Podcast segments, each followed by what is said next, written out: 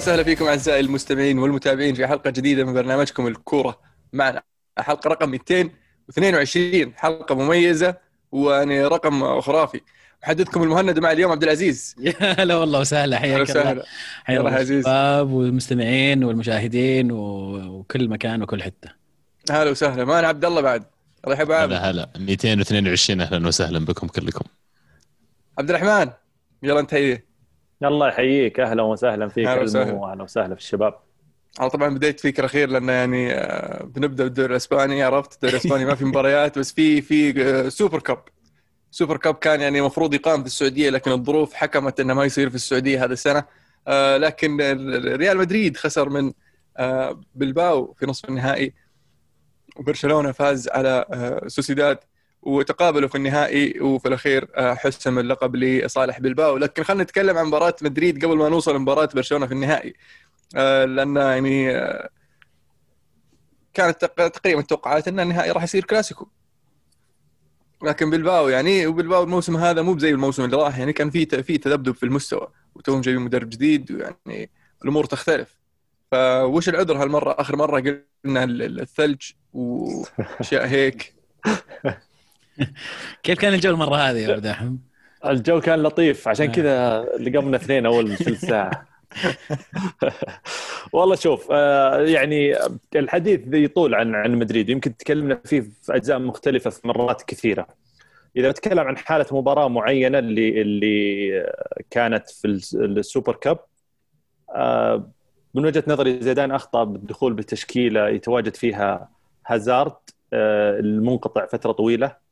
اللي أثبت في كل مرة يلعب أساسي بعد أكثر من رجعة من إصابة آه، ما يؤدي المستوى المطلوب.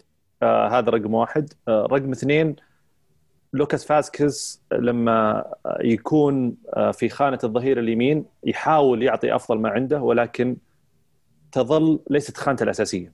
وهذا الشيء يس- يسبب إشكالية وسبب مشاكل في وسط المباراة. بالنسبة لي كان بالإمكان أحسن أفضل مما كان. ودائما مدريد يمر بهذه المرحلة في مباريات كثيرة مع زيدان.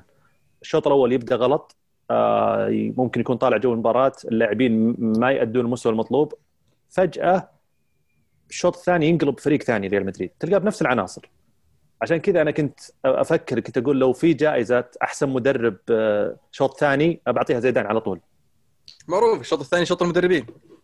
يعني يتغير الفريق 180 درجة. هذا الشيء ترى دائما حلو انه يكون الصفة هذه أو نوعية التغير اللي من شوط إلى شوط في فريقك ولكنها على على مرات متكررة ترهق الف- الفريق ذهنيا ترهق الفريق بدنيا. آه، إحساس الرجعة دائما للمباراة صعب. آه، شخصيا ما كان عندي مرة يعني توقع كبير وراء هذه البطولة. الموضوع أكبر من مباراة أو خسارة سوبر كاب. الموضوع زي ما يمكن برضو حكينا قبل إنه موضوع مشروع. إحنا نحتاج في الصيف الجاي على أساس زيدان يستمر ببيئة آه، مرتبة بيئة هادية بيئة ما فيها إزعاج الإعلام الإسباني. يحتاج يوضح للجمهور آه، وللإدارة إذا آه، تجدد لها أو أو بيريز كمل إنه في مشروع راح يخلي مدريد ينافس خلال سنتين ثلاثة على جميع البطولات مثل ما كان قبل خمس مواسم. حلو. طيب هل ريال مدريد مقلبه بهازارد؟ أنا إيه. شخصيا خصوصا بعد هذه الم- ما- المباراة وصلت إلى مرحلة قاعد أفكر وشلون فلورنتينو بيريز الشخص اللي يعني بالنسبة لي أسطورة في العالم الإداري والعالم ال- الكروي اداريا. دفع في لاعب زي هازارد بهذا العمر 100 مليون. كيف هذا العمر؟ عمره بالعكس يعني مناسب ولا؟ جاكم 30. 27 تقريبا. 29 لا 29 جاء آه 29 بيروح يعني أتوقع يعني أتوقع يعني سولفنا يا أبو عابد في الموضوع من قبل أن هازارد ما هو بنوع اللاعب لريال مدريد لأنه لاعب صح. نفسية ومزاجي ومو بكل مباراة بيعطيك أفضل ما عنده مباراة عن مباراة وموسم عن موسم بعد شفناها مع تشيلسي سنوات لكن لما تصير مع نادي زي تشيلسي غير لما تصير نادي مثل ريال مدريد يعني no offense تشيلسي يعني طبعا. ما بقى offense أتوقع ما سويت. بس ما وقفت عليهم أشوف ليش مدريد يبغون واحد زي هازارد. يعني خذ جائزة أفضل لاعب في ال Premier League ظاهر مرة أو مرتين. هو النجم حق تشيلسي والى حد كبير لما كنت تشوف الصيف هذاك ما في لاعبين كانوا موجودين يسدون الخانة اللي يعني حقت marquee signing حقت مهاجم. هازارد كان متوفر. المبلغ 100 مليون فعليا كان منطقي على وقتها. بس أنا بالنسبة لي وزي ما قلت يمكن حتى انت تفضيلي الشخصي إني ما أجيب واحد زي هازارد يعني بمبلغ زي كذا أتوقع كان تقدر تفاوض مثلا آه، ليفربول على ماني أو صلاح أو تروح مثلا آه، ما أدري في في ألمانيا تلقى لك واحد يعني. سانشو مثلا. لا، بس صراحة أنا- قد ما بعد حقق الدوري ذاك الوقت وماني نفس الشيء فيعني بس توهم فايزين بال Champions كان وقتها يعني. يعني يقولون صعب إنك تجيبه صح؟ بس يعني مو بصعب إنك تجرب. ما أدري الصراحه إيش صار خلف الكواليس مين جربه وغيره بس فعلا أنا معك 100% اتخيل نفس شكل مدريد هذا تخيل معهم ماني ولا صلاح. فريق شكل فريق حيختلف كثير. يعني من ضمن الأشياء اللي أتوقع يطالعونها لل- للمدربين والأندية والتعاقدات تحديدا يعني أه، موضوع الإصابات حقت اللاعب. هازارد آخر سنتين في الدوري الإنجليزي سجل الإصابات حقه كان تعيس. ودائما المهاجمين السريعين اللي يعتمدون على الجلدي والسرعه اللي عندهم مشاكل في العضلات إصابات العضلات تجيهم كثير معرضين أكثر إنها ترجع لهم. يعني هذا هذا اللي بالنسبة لي يمكن أعتب على مدريد إنه كيف تروحون تشترونه وبعدين كيف تعطي تشيلسي 100 مليون يا أخي؟ دي لحقونا من 2016 الظاهر من 2017 ولا عبد الرحمن؟ صحيح إلا. من فترة طويلة. عشان كذا أنا أقول نوعية لاعب زي هازارد إذا جاء مع مثلا لو جاء مع كريستيانو كان أقول والله ممكن هذا يعطيك إضافة مختلفة عن اللي بيضيفها كريستيانو. لكن أنت لما شلت كريستيانو وجاء هازارد بعبء إنه هو البديل كريستيانو. وأعتقد إنه هذا العبء يعني حتى لو جاء مبابي وحتى لو جاء هالاند يعني صعب إنك تشيل هذا العبء وتنسي الجمهور لاعب مثلا زي كريستيانو رونالدو. مع الوقت ممكن. ولكن ما في بوادر لهازارد إنه يعني يعطينا انطباع إنه ممكن يغطي ولو جزء بسيط من مكان هازار من مكان كريستيانو. لأن أساسا خصائص اللاعب كلاعب ما هو اللاعب اللي يسجل لك على الأقل 15 20 هدف في الموسم. وهذا الشيء اللي كان يعطيك إياه كريستيانو بوجود بنزيما آه، في الفريق. شوف يا أبو داحم يمكن أنت أدرى مني في الشيء هذا. بس ما راح يجي أحد في الوقت القريب ويعوضك عن رونالدو. فمجرد إنك تفكر في إن اللاعب لازم يجي أو حتى هو اللاعب لما انجاب واللي ترى تعطيه الفكرة هذه أنت جايب بديل رونالدو أو هو يجي يقول أنا آه، بملى مكان رونالدو هاي هنا في أول خطوة غلط صارت.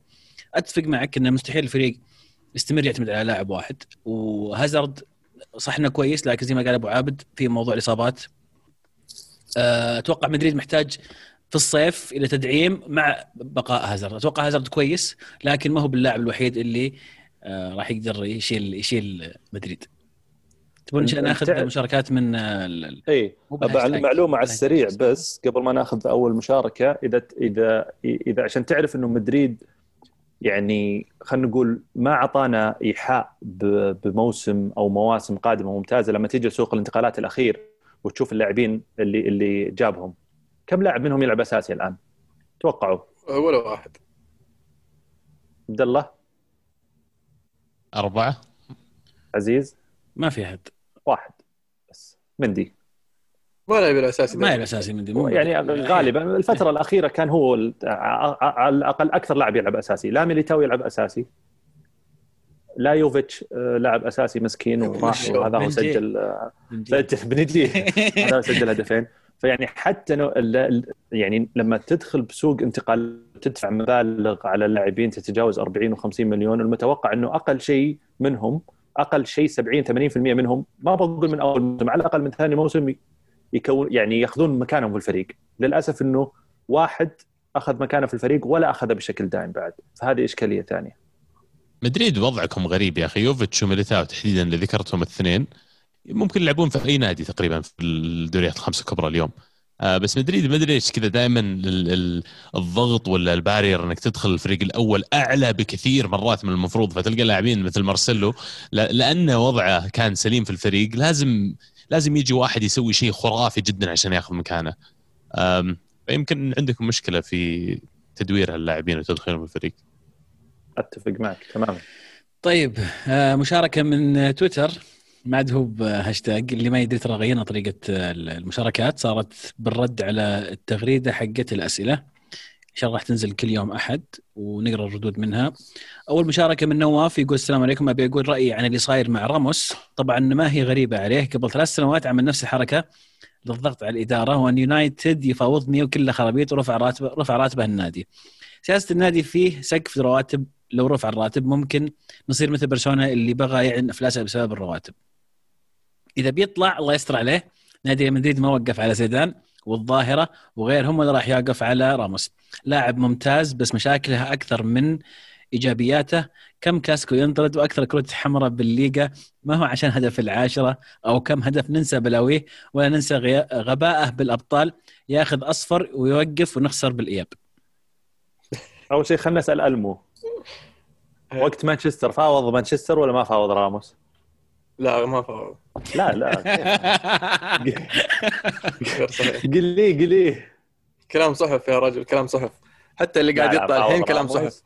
لا لا في مفاوضات و... يعني أصلا بدون ما يعني أتوقع لاعب زي راموس يعني أكيد إنه في أكثر من فريق فاوضه ودي بس بشكل سريع عشان أرد على نواف على جزئيتين. جزئية عاطفية وجزئية واقعية. الجزئيه العاطفية عندي قاعدة أنا إنه راموس يحق له ما لا يحق لغيره من اللي بسبب اللي سواه الفترة الأخيرة. خلينا نكون واقعيين.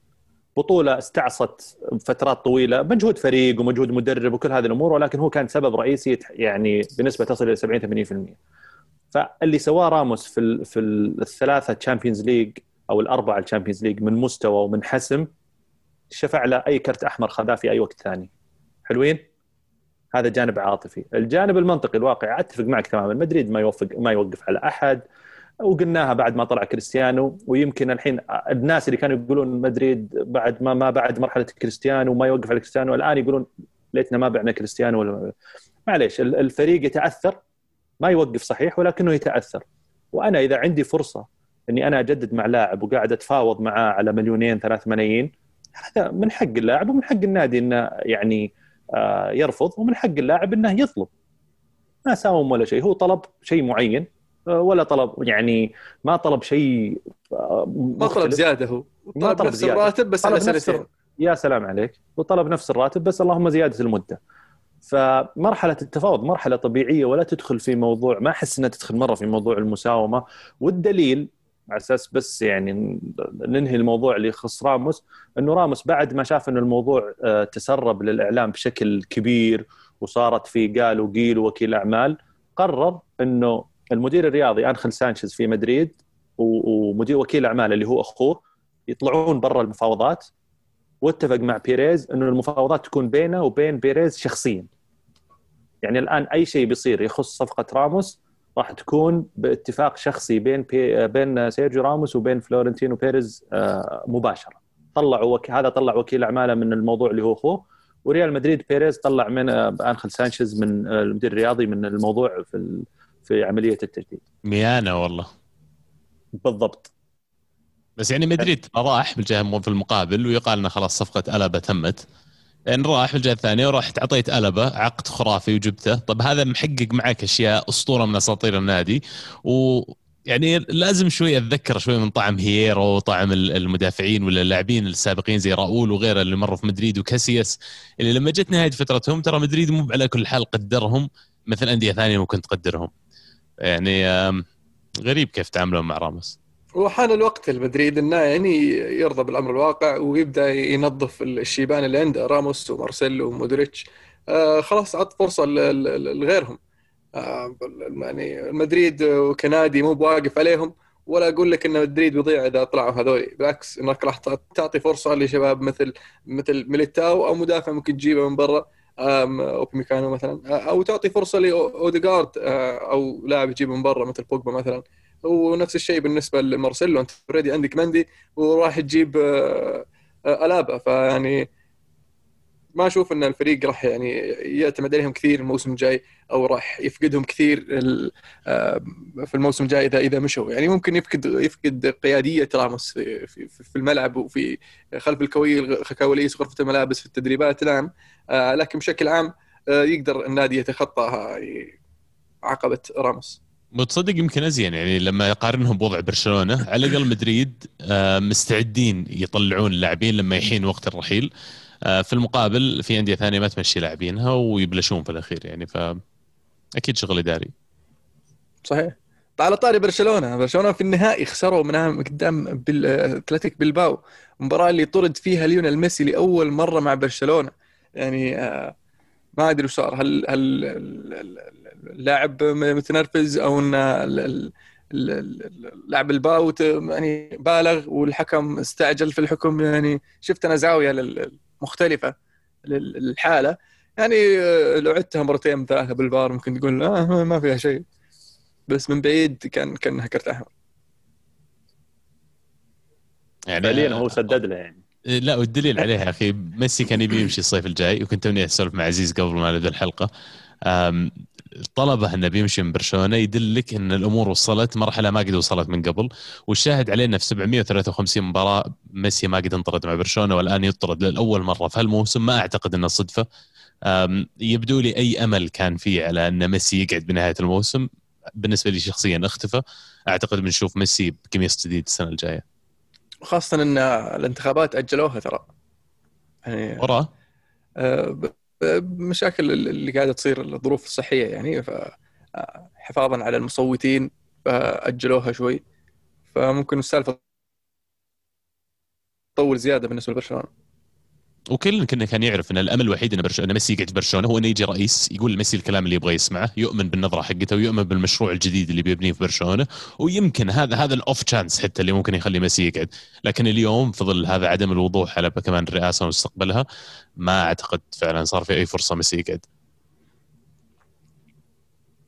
والله عسى يجينا ويجيكم المو ينفع يا أخي. أرسنال مانشستر يونايتد يجي واحد مننا والله أو نسلة من بي إس جي ولا سيتي ولا والله يعني مع السيتي ما استغرب ما أقول إنه مو أو نسله يعني بالعكس يعني مع بيبي عارفه وطريقة اللعب يعني آه، يعرفها وأتوقع يعني بيب بيحطه في مكان هو متعود عليه اللي هو يعني مهاجم false nine عنده ناس تركض عنده دي بروين يصنع ف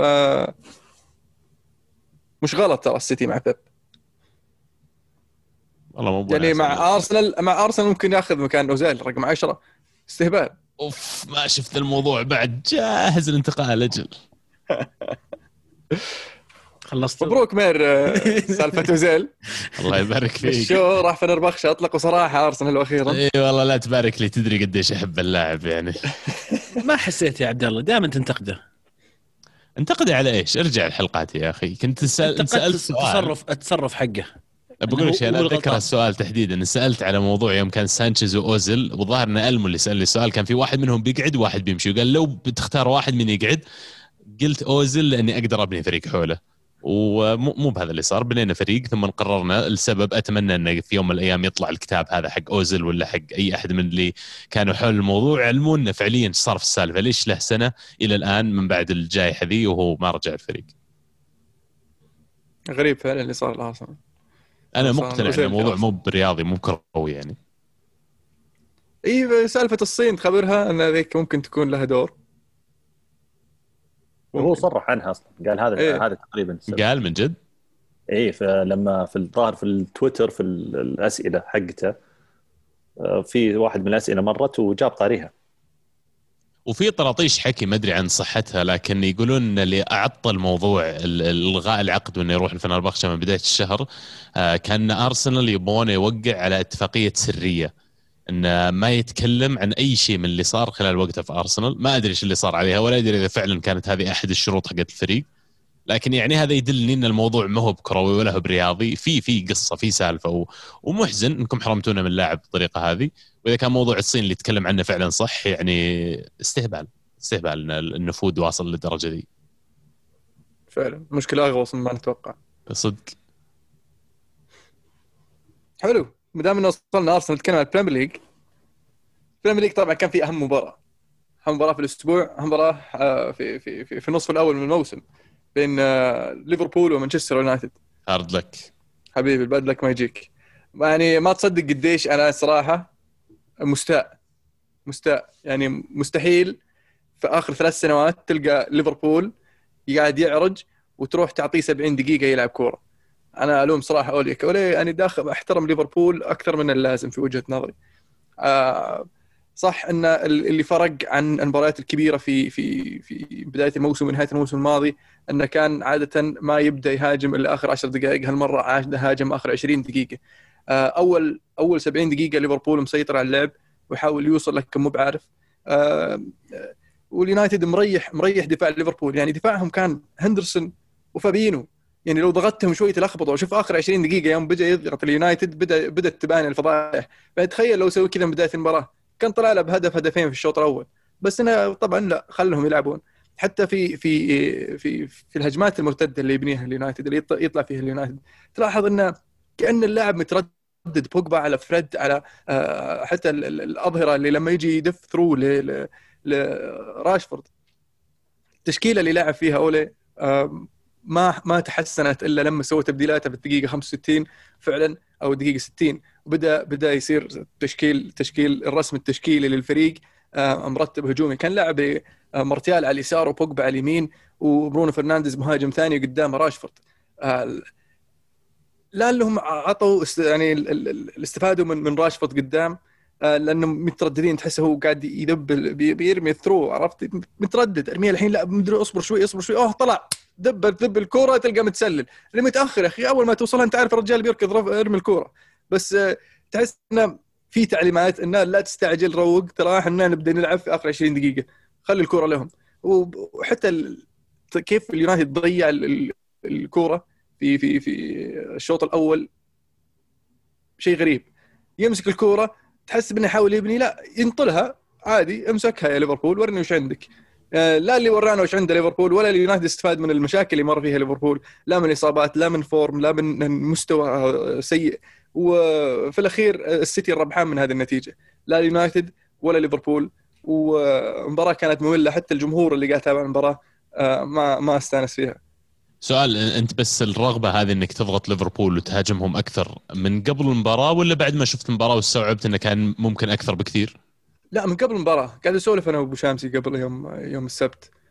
قاعد يقول له ان هذه أفضل فرصة ليونايتد يفوز فيها على ليفربول خاصة في, في المواسم الماضية أن ليفربول غير إنه في المستوى طايح الدفاع مصاب مصاب يعني ثلاث قلوب دفاع مصابين قاعد يلعب بمحاور في في قلب الدفاع عرفت؟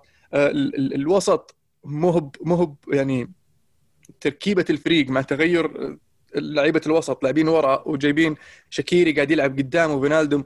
بس الفرق في هذه المباراة عن مباراة آه، ساوثهامبتون اللي شاف ليفربول. ساوثهامبتون آه، ألكانتارا ألكانتارا بصراحة ضبط خط الوسط في في ليفربول وأعطاه شكل أفضل من مباراة آه، شو اسمه لا ساوثهامبتون. بس يظل يعني كان كانت فرصة لليونايتد إنه يخطف الثلاث نقاط. اليونايتد في فورمه عالية اللاعبين في معنويات عالية آه، برونو بوجبا رجع للمستويات اللي قدمها راشفورد ومارتيال وكافاني كلهم مستعدين آه، يقدمون. وعندك ثلاثي ثلاثي هجوم آه، ليفربول عارفين يسجلون صار لهم ثلاث مباريات. خط الوسط كل مباراة تشكيلة جديدة عشان عندك مشاكل في الدفاع. وغير ذلك يعني تلعب في الأنفيلد من غير جمهور فيعني إذا ما استغليت هذه الأشياء الحين فوش تستفيد؟ وش تستفيد؟ وش استفدت أنا من التعادل الحين؟ ما استفدت شيء أخرتها السيتي بيفوز مباراة المؤجله وياخذ الصدارة يلا فكها من السيتي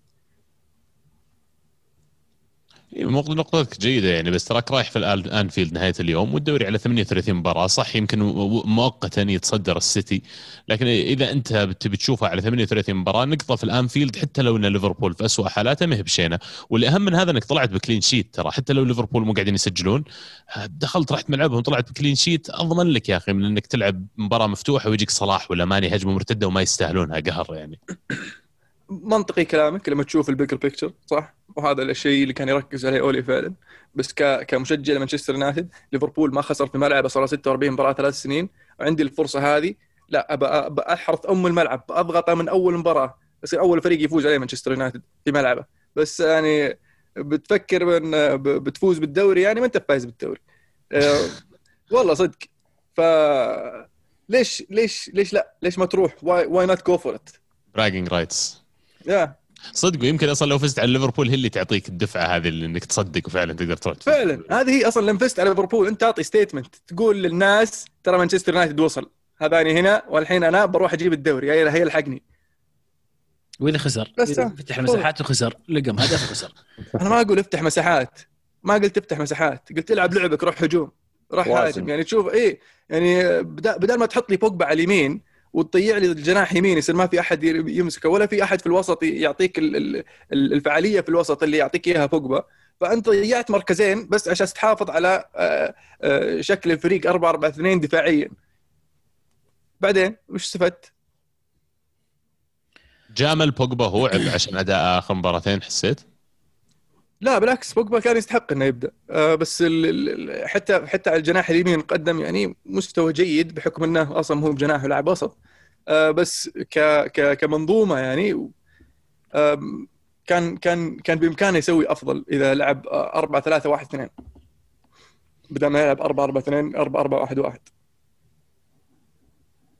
من آه، مشاركات على تويتر سعود يقول معلومة مرعبة. ليفربول سدد 17 تسديدة ثلاثة فقط على المرمى. يونايتد سدد ثمان تسديدات أربعة على المرمى. أكثر من ليفربول ما سبب عدم استغلال الفرص للليفر.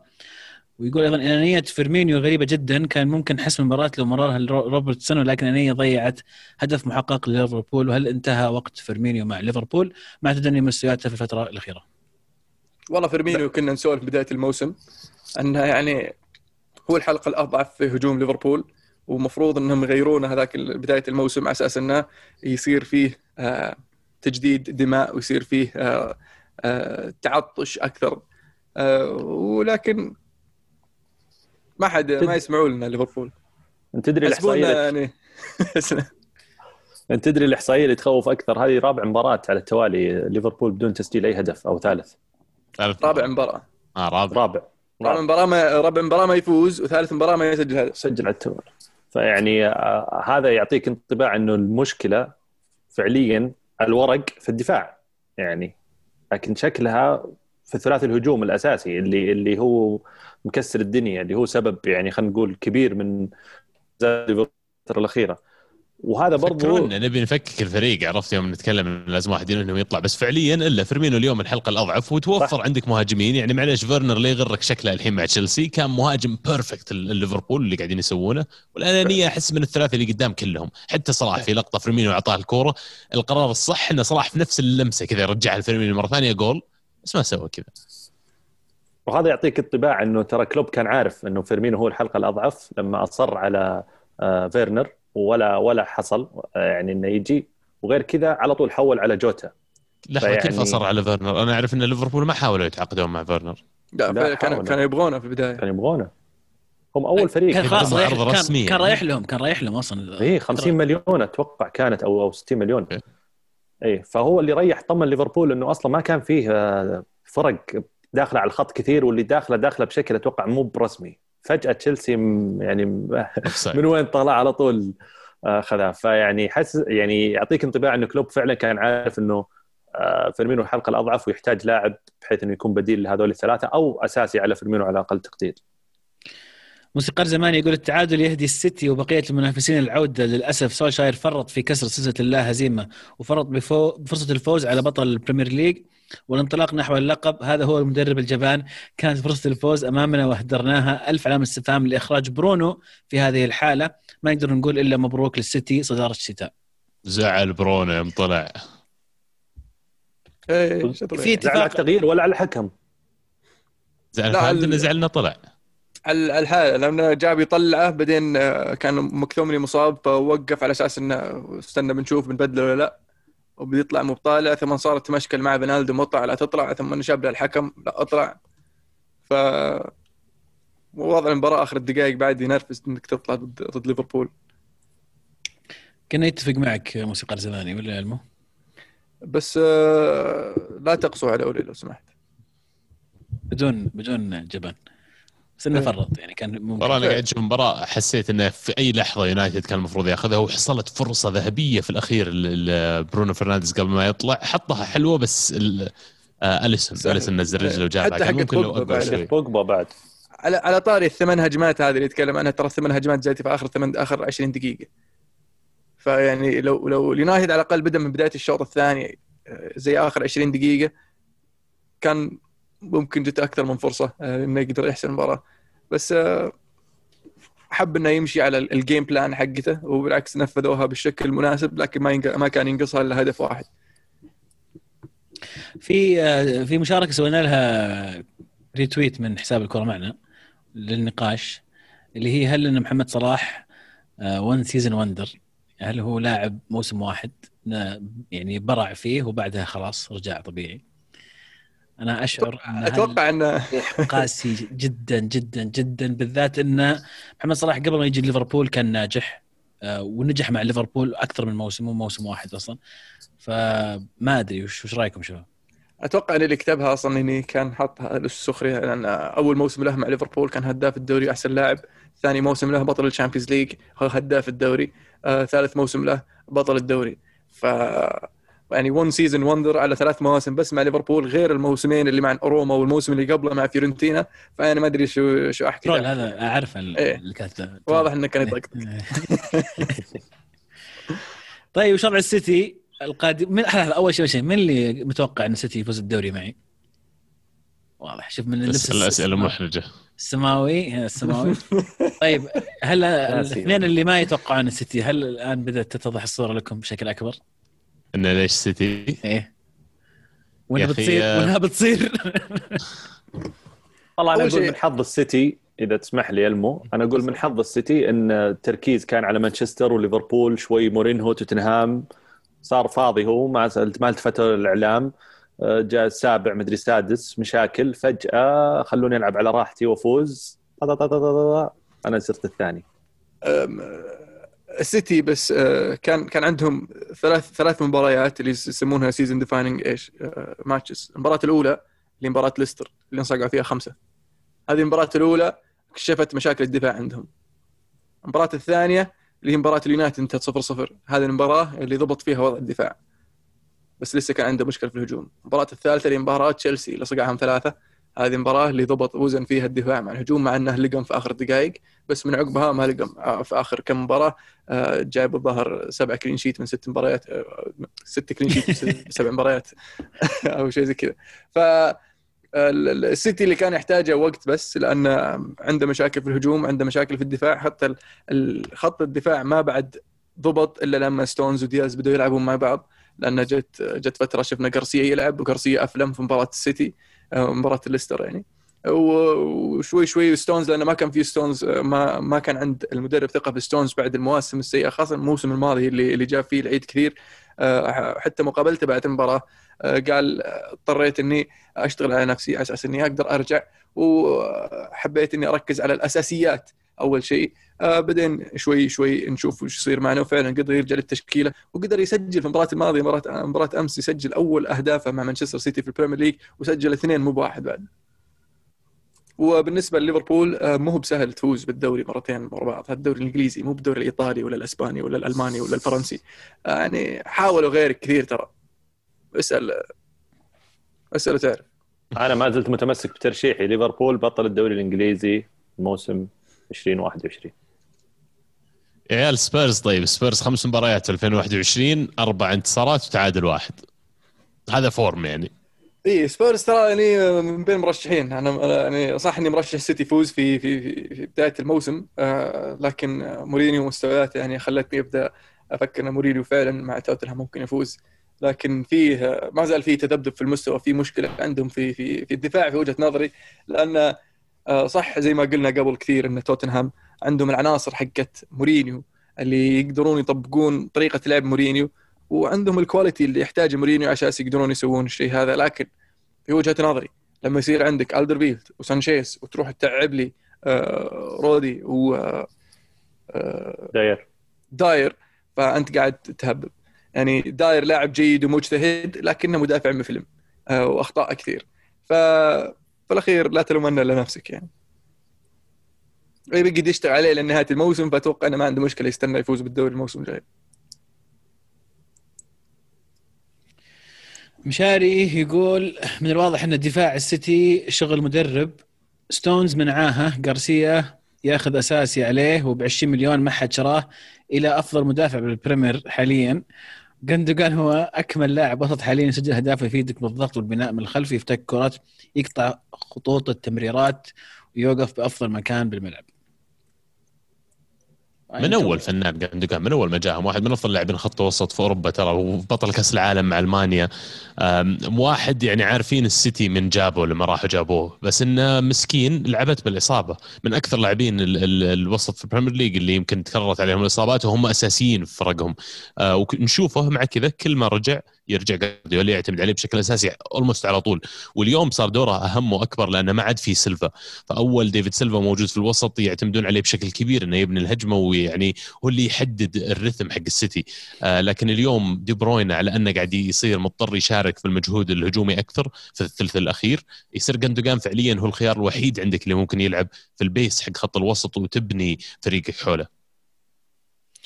مستر جون يقول أنا أشجع توتنهام السنة هذه وأتمنى أنهم يحققون الدوري لكن إذا صارت بتكون معجزة. لأن يضيعون النقاط بطريقه تنرفز كثير من التعادلات كنت مباريات كانت مباريات سهل سهلة لأننا تقدمنا بنتيجة ثم آخر دقائق يصف الباص ونلقم هدف. هي حركات مورينيو. هل تتوقعون توتنهام يحقق بطولة؟ وإذا نعم كم بطولة تتوقعون؟ آه بس هذه النقطة اللي أتكلمك عنها قبل شوي إن مورينيو يحب يسجل هدف ثم يصف الباص في آخر الدقائق. ف وسواها مع يونايتد كثير السبك ودفاع جونز وسمولينج يعني أغبى من كذا ما أدري يعني على الأقل داير أصحى من منهم شوي. آه بس المفروض آه إنه تعلم يعني. إذا بتسوي كذا لازم تتاكد ان دفاعك ووسطك يعني يقدر يتحمل الضغط. آه بالنسبة ل... آه. آه بالنسبة للألقاب يعني واصلين نهائي ال League Cup يعني أتوقع من بداية الموسم قلت مورينيو بيفوز بال League Cup وال Europa League آه برضه راح يوصل للنهائي. وعلى الأغلب راح يفوز. حلو. تبون زيادة ولا؟ والله سمعنا إذا في زيادة. طيب إيش رايك عبد الرحمن يقول إيش رأيكم باللي يسويه فودن؟ وهل بيب خلاص لازم يعتمد عليه كلاعب أساسي في الفريق ويركن ستيرلينج ولا محرز في الدكة؟ أعطونا رأيكم بأفضل لاعب عندكم تحت 21 سنة. هو already مركن محرز بالدكه يعني والله تعليق تفاولي صراحة يعني. لا فودن أنا أعتقد إنه يعني من خلينا نقول من انقى المواهب الإنجليزية الفترة الأخيرة. يعني سانشو مع احترامي سانشو ميسن ماونت كل هذول اللاعبين اللي يقدمون يعني إضافة معينة أو خلينا نقول محددة أو احتاجوا وقت أطول من فودن. لكن فودن كان محظوظ ان إن في مانشستر سيتي وتحت مدرب زي جوارديولا آه، إذا أنت عندك إمكانيات بسيطة أنا مستعد إني أعطيك الثقة وهذا اللي سواه جوارديولا مع فودن خصوصا برضو بعد مع بعد خروج ديفيد سيلفا اللي شفنا بعد خروج ديفيد سيلفا جوارديولا حاول إنه يعني يحط اي كذا لاعب في في خانة سيلفا أو يحاول إنه يؤدي أدوار سيلفا. وأعتقد إنه فودن في أكثر من مركز في الوسط أو حتى as false nine أثبت كفاءته بشكل عالي ولاعب فنان سيتيزن يقول هل بنشوف هالموسم بال Premier League صراع على الصدر باقي جزء من السؤال باقي يقول مين أفضل لاعب تحت إيه 21 إيه. في العالم. يعني صعب الصراحة إنك تشوف غير كامافينجا اليوم على اللي قاعد يسويه. يعني طبعا يعتمد بشكل كبير على أنت وش تفضيلك الشخصي للاعبين وللمراكز وعلى أسلوب اللاعب نفسه. لكن بالنسبة لي كامافينجا هو المشروع النجم العالمي القادم. كلنا نجاوب ولا بس؟ إيه كم عمر أتوقع هالاند تحت تحت 21 يعني هالاند. صحيح. أتوقع سانشو ولا؟ صحيح. آه مبابي كم وصل؟ 21 22 22 لا 22 آه هافرتس هافرتس هافرتس. 20 المهم من من أفضل لاعب 23 أفضل لاعب تحت 20 والله يعني الخيارات المذكورة كلها تستاهل. كما كما واحد منهم فعلا. آه هالاند صعب إنك ما تشوفه في في القائمة. لسه في عندك دليخ اللي ناس نسوه بحكم الإصابة بس إنه يظل من أفضل اللاعبين تحت 20 آه، و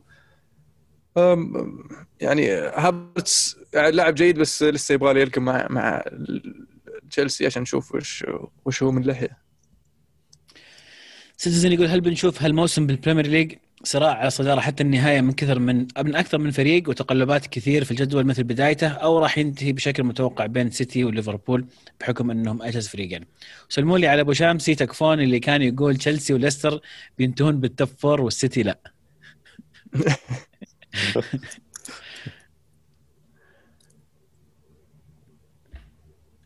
ها؟ حلو في تقلبات ولا في تقلبات نهايه الموسم؟ ولا خلاص إيه، سيتي سيتي. وليفربول سيتي وليفربول بيدعسون زي العادة هو سيتي بيدعس بس ليفربول ما بشيء أكيد يعني. يمكن. سيتي يمكن سيتي يونايتد ما أتوقع سيتي يونايتد لأن توتنهام مورينيو اللي هو اللي بيلحق عبد الله ليه ما تشب على المو؟ سؤال أنا إذا قلت ال- اليوفي مو فايز بالدوري شبيت علي هذا المو قاعد كل شيء يوخر الأضواء عنه ومتصدر الدوري شبه متصدر لأنه شيء واقعي يا عزيز. بس مو فايز بالدوري تسع سنوات راحت من يقول لك لا ما أتوقع بفوز بالدوري ذا السنة يعني طيب لا، صدق. ومع معي رونالدو عرفت ودليخت وكفاني وشو اسمه كليني و... وعشان ما افشل نفسي بعد ترى عزيز لو ترجع لبعض الحلقات أنا كنت متوقع سولشاير أول واحد بيقال في ال Premier League الموسم هذا وكنت متوقع يونايتد راح يدخل- يخلصون برا ال top four يعني إلى الآن أنا متأمل إن التوقع يصير في محله عرفت ما أبغى أقول شيء. طيب أم... نكمل؟ نكمل بعدين الأسئلة؟ إيش رأيكم؟ حلو جميل. عندنا شيء في الدوري الدوري الانجليزي تشيلسي فازوا أخيرا في, في الديربي العظيم. ضد فولم. توتنهام تعثروا لكن قدروا يفوزون في المباراة اللي بعدها فقاعد يقترب تدريجيا. بس هذا ملخص الدوري الإنجليزي. الدوري الإيطالي. الدوري الإيطالي كان فيه جولة جولة يعني آه، نارية بصراحة. أول شيء ديربي ديربي روما اللي فاز فيه لاتسيو 3-0 كانت مباراة صراحة زاحفة وجلدوا الرومانيستا يعني جلدة محترمة. يعني روما وكأنهم لم يكونوا في الملعب حتى أصلا يعني. كان لاتسيو يلعب ويمتع ويبدع ويسجل بعد. وأتوقع هذا في صالح فرق كثيرة طبعا ان أن روما تعثر من بينها أتلانتا ونابولي ويوفنتوس اللي قاعدين يحاولون يلحقون ال- ال- ال- ال- المتصدر. لكن في الأخير أكثر فريق مستفيد اللي هو AC Milan. AC Milan ما بدا يلعبوا ذا الجولة صح؟ إيه اليوم. آه، اليوم. يعني جولة مهمة يترقبها الجميع خاصة أن نابولي فاز على فلورنتينا 6-0 وأتلانتا تعادل 0-0 والإنتر فاز على اليوفي 2-0 بمباراه يعني آه، توقعت صراحة أكثر من من اليوفي. وش صار يا عزيز؟ حدثني. أه تفوق الإنتر يعني بشكل كامل على اليوفي. على قد ما كان اليوفي سيء في المباراة على قد ما كان الإنتر رائع. أه، مسيطر على المباراة. تذكر يوم كنت أقول لك الأسبوع الماضي انه متى بينفضح بيرلو. إذا جاه مدرب. عرف له وهذا اللي سواه كونتي مع إن كونتي ما غير كثير في أسلوبه لكن عرف يختار الأسماء اللي مسكت خط الوسط بحيث إنه صار خط الوسط اليوفي غير موجود مختفي تماما. آه، ولعب عليه بالأطراف ضغط على أطرافه آه، بوجود آه، يونغ وحكيمي حكيمي أشرف حكيمي. فكان الانتر مسيطر على المباراة بشكل كامل من جميع النواحي حتى صفة الدفاع حقت الانتر بوجود ثلاث أسماء في الخلف مع ت- تغطيه ال- ال- الأجنحة جعلت اليوفي يبدو بشكل عقيم جدا مو قادر يصنع كورة، الكورة أصلا ما توصل لرونالدو كانت كلها اجتهادات محاولات شخصية من آه، من كيزا إنه يحاول يعرض حتى مو قادر يعرض كورة صح؟ فكان ظهر اليوفي بشكل الفريق اللي ما عنده حلول. ورغم إن بيرلو حاول يسوي تغييرات نزل كلوسيفسكي نزل بنادسكي إلا إن ال- ال- الأسلوب العام ما تغير والفكرة العامة في محاولة صنع ال- الهجمة ما تغيرت. افتقد كثير اللاعب زي ديبالا اللي يلعب في المنطقة هذه اللي بين خطين الوسط والهجوم يسوي فيها هي المشاكل في ذيك المنطقة. آه، بس أعطتني فكرة واضحة إن فعلا بيرلو ما زال أمامه طريق طويل جدا لسه ما تعلم لسه مو بعارف يغير أسلوبه في وسط المباراة لسه مو عارف يتكيف مع الفريق اللي قدامه. في نفس الوقت ورتنا جزء كبير من وش يقدر انتر كونتي يسوي وهو مرتاح. وهو عنده أسبوع كامل يروق ويطلع ويجي المباراة جاهز شفنا فيدال اللي كان في بداية الموسم يمكن أو نهاية الموسم الماضي ناس تشوفه عبء أو يخافون منه. انضباطية عالية جدا من فيدال. حتى ما أخذ كرت في هذه المباراة. حرث الملعب سجل هدف. بروزوفيتش كان مايستر في وسط الملعب. أدوار الجناحين. اشلي يونغ مو بكنه لاعب عمره 35 سنة اطلاقا. يراكض رايح جاي على الطرف. أشرف حكيمي طبعا على الجهة الثانية ما يحتاج نتكلم عنه. ال- الثلاثي الدفاعي كيف كان رائع حمدانوفيتش في اللقطة اللي صد شال فيها كرة في آخر دقيقة. أتوقع إنه لقطة مهمة جدا آه، إنقاذ هندانوفيتش في هذه اللحظة لأن لو ما شال الكرة هذه كان ممكن آه، ضغط اليوفي بشكل أكبر وبحث عن التعادل. فالإنتر لعب مباراة 10 من 10 للأمانة واليوفي كان قبيح قبيح قبيح جدا. وجزء من هذا القبح طبعا سببه الإنتر بشكل أكيد لكن آه، بشكل عام المنظر طلع طلع فيه اليوفي آه، يعطيك دلالة على القادم في هذا الموسم. وش بدي القائد؟ أسألك سؤال عزيز ان لا تتوقع من اليوفي أكثر من كذا. هذا هو. مرة فوق مرة تحت. بيفوز على بعض الفرق وبيخسر من بعض الفرق بالذات الفرق اللي قوية تنافس على الصدارة. طب المنافسة على ال top four يعني عصيبة. يعني فقلنا الأول والثاني أندية ميلان قاعد ينافسون عليهم. الثالث والرابع لسه في منافسة قوية يعني أتلانتا وروما ونابولي. ولسه لاتسيو جاي من بعيد فيعني وين تشوف اليوفي نهاية الموسم؟ أشوفه في ال top four آه للأمانة. آه ما طبعا ما أرشحه للقب. أشوفه من الثاني إلى إلى الرابع. آه يعني زي ما قلت لك اليوفي مرة فوق مرة تحت. أتوقع إنه عنده القدرة إنه يفوز على أغلب فرق الدوري الإيطالي لكن في المباريات في بعض المباريات راح يفوت فيها نقاط وهذه راح يمنع أنه يكون في الصدارة. فاشوفه يعني في ال top four نهاية الموسم. واذا ما كان في ال top four فهذه فهذه مصيبة تستاهل إنه يعني يقال فيها بيرلو حتى حتى لو كان في مشروع. حرام عليك تو جاي الرجال إيه بس يجي الخامس يضيع Champions League السنة الجاية أتوقع إني ضربة قوية. اللي وفرته على الراتب حق بيرلو يوم تجيبه خسرته في ال Champions League السنة الجاية. وأكثر بعد. فعلا. اسلم أنا, أنا ودي أسألك عزيز عن كثير يقولون إنه أليجري قالت أليجري هي أحد أسباب تدهور مستوى اليوفي أو الوضع اللي اللي فيه اليوفي حاليا. ابتداء من تعيين ساري. أوكي؟ بس خلنا خلنا من أليجري شوي لأن كثر الكلام عنه وكثر يعني خلينا نقول تحديد هذا السبب إنه هو السبب الوضع اللي فيه اليوفي حاليا.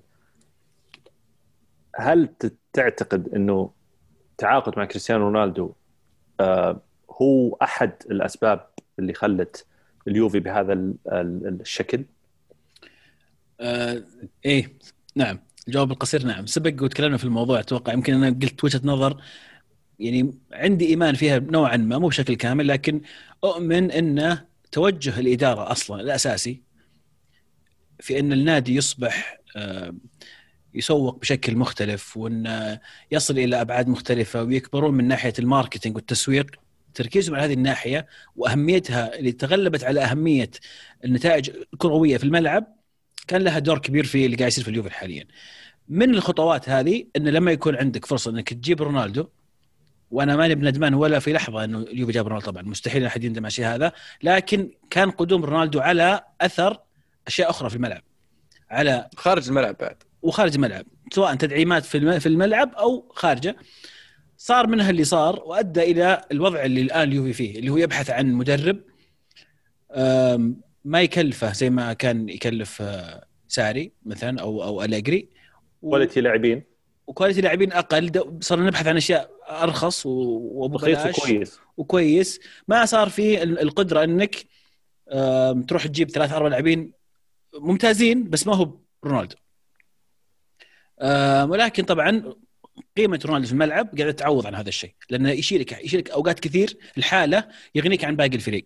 بس مو دائما. مستحيل اللاعب يشيلك دائما. مستحيل. فهذا يعني هذا اللي. يمكن أثرت. يعني مو صحيح. إن أنيلي جايب رونالدو عشان Champions League وجهة نظرك.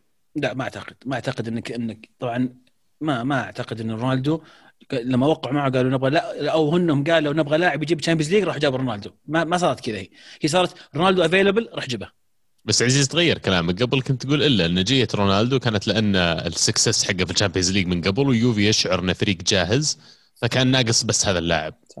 أو أتذكر قلتها في كذا حلقة قبل ترى. ما أعتقد إنه يوم جاء رونالدو تحديدا. هو هو رونالدو قيمة مضافة في ال Champions League ما ننكر ما ننكر ابدا. لكن السؤال كان على تأثيره على بقية المواسم اللي صارت في اليوفي. صح طبعا لما يكون فريقك جاهز وتبغاه اليوم وبنوتشي ترى نفس الشيء. بنوتشي ما رجع اليوفي إلا لأنه صح. كان يشعر ان فريقه جاهز وباقي خطوة على ال Champions League والدفاع اهتز بعد طلعت بنوتشي راح رجعه. فطبعا إضافة رونالدو أكيد إنه فيها هدف Champions League لكن الهدف الأساسي أو السبب الرئيسي اللي جاء رونالدو اليوفي إنه كان متاح.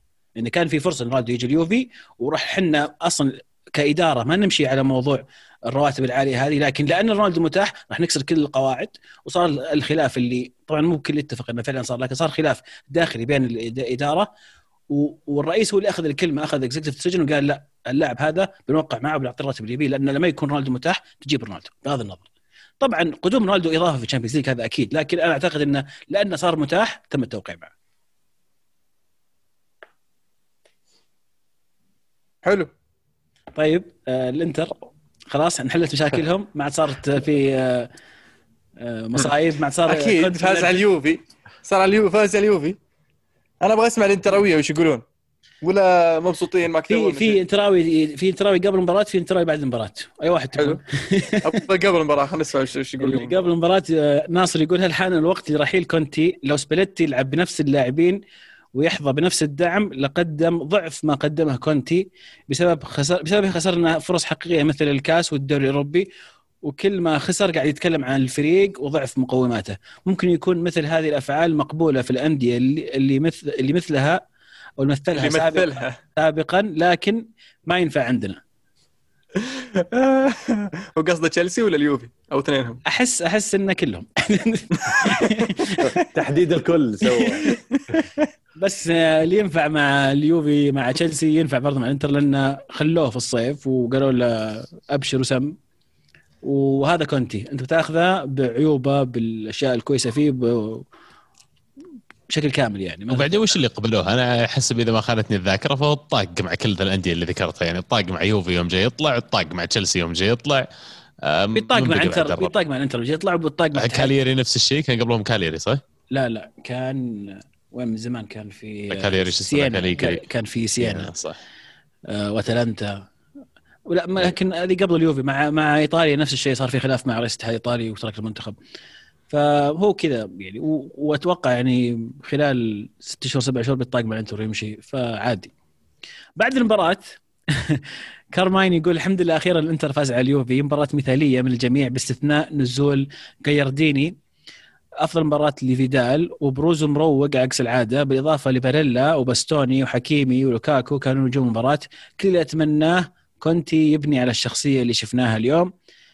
تقليله من الفريق كل فتره مقرف. ترى آخر مباراتين الإنتر كانت ممتازة يعني مباراة روما الإنتر كان تقريبا بنفس المستوى. آه قدم مباراة جدا جدا رائعة. لكن أنا شخصيا ما أثق في كونتي. وأعتقد إنه لو جت المباراة الجاية وتعثر وتعادل وانهزم آه، رجع نفس الأسطوانة على كونتي وليش سوى اللي سواه. اللي اللي سواه ترى أمس أنا كنت احسها رغبة لاعبين أكثر من ما انها تكتيك صراحة مدرب. لأن وقفة الفريق كانت صح واللاعبين كانت مستوياتهم كلها يعني تقريبا شفنا أفضل ما, ما عندهم. باريلا على بروزوفيتش على سكرينيار اللي فقد الثقة في فترة كبيرة من الموسم. آه، لوكاكو طبعا مستمر فترة طويلة لكن نتكلم عن اللاعبين اللي كانت مستوياتهم نازلة. بدال. كانت تحس إنه عندهم رغبة. الفريق أمس واضح إنه كان كان داخل ويبي يفوز. فأنا شخصيا أحتاج أربع إلى ست مباريات زيادة بنفس الرغبة والشخصية والمستوى.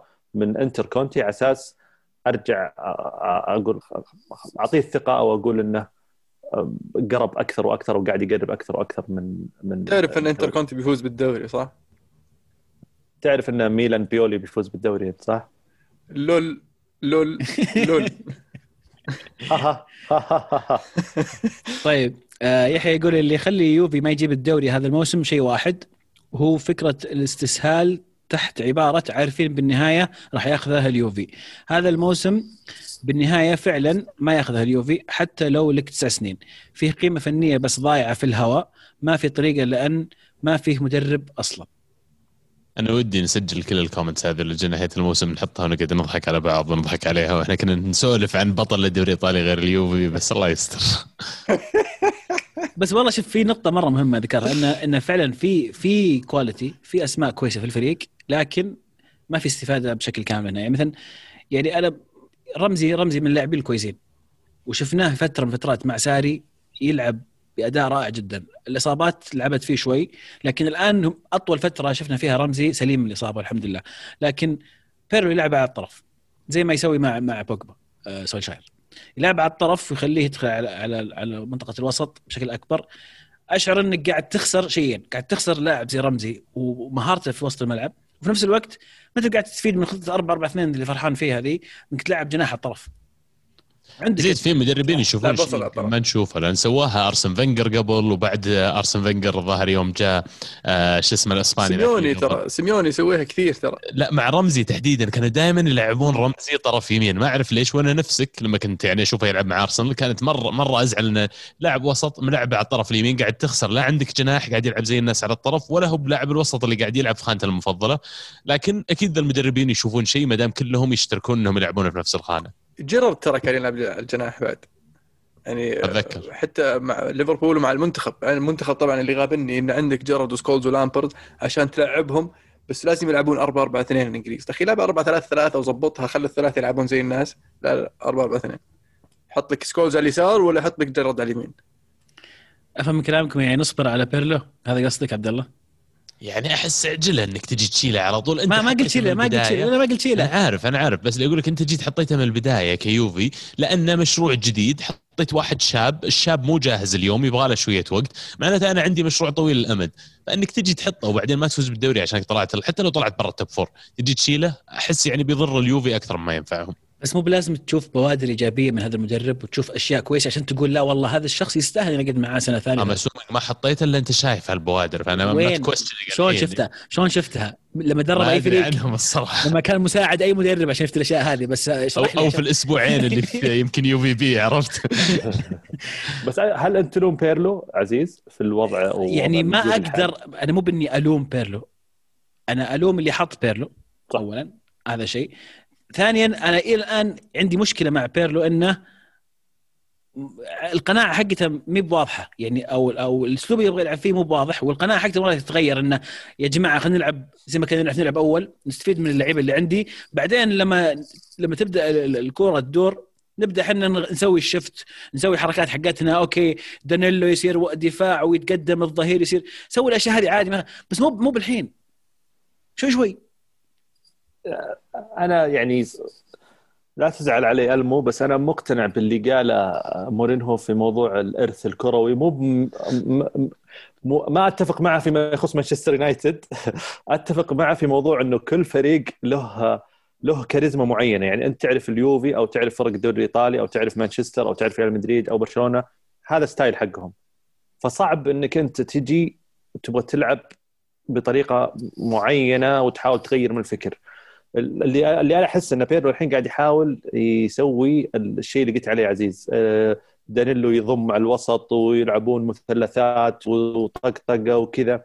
هذا شيء يعني مو مو بهذه الطريقة اللي جابت اليوفي عشر مواسم الدوري ورا بعض. مو بهذه الطريقة اللي وصلت اليوفي في آخر تسع مواسم يمكن ثلاثة نهائي Champions League صح؟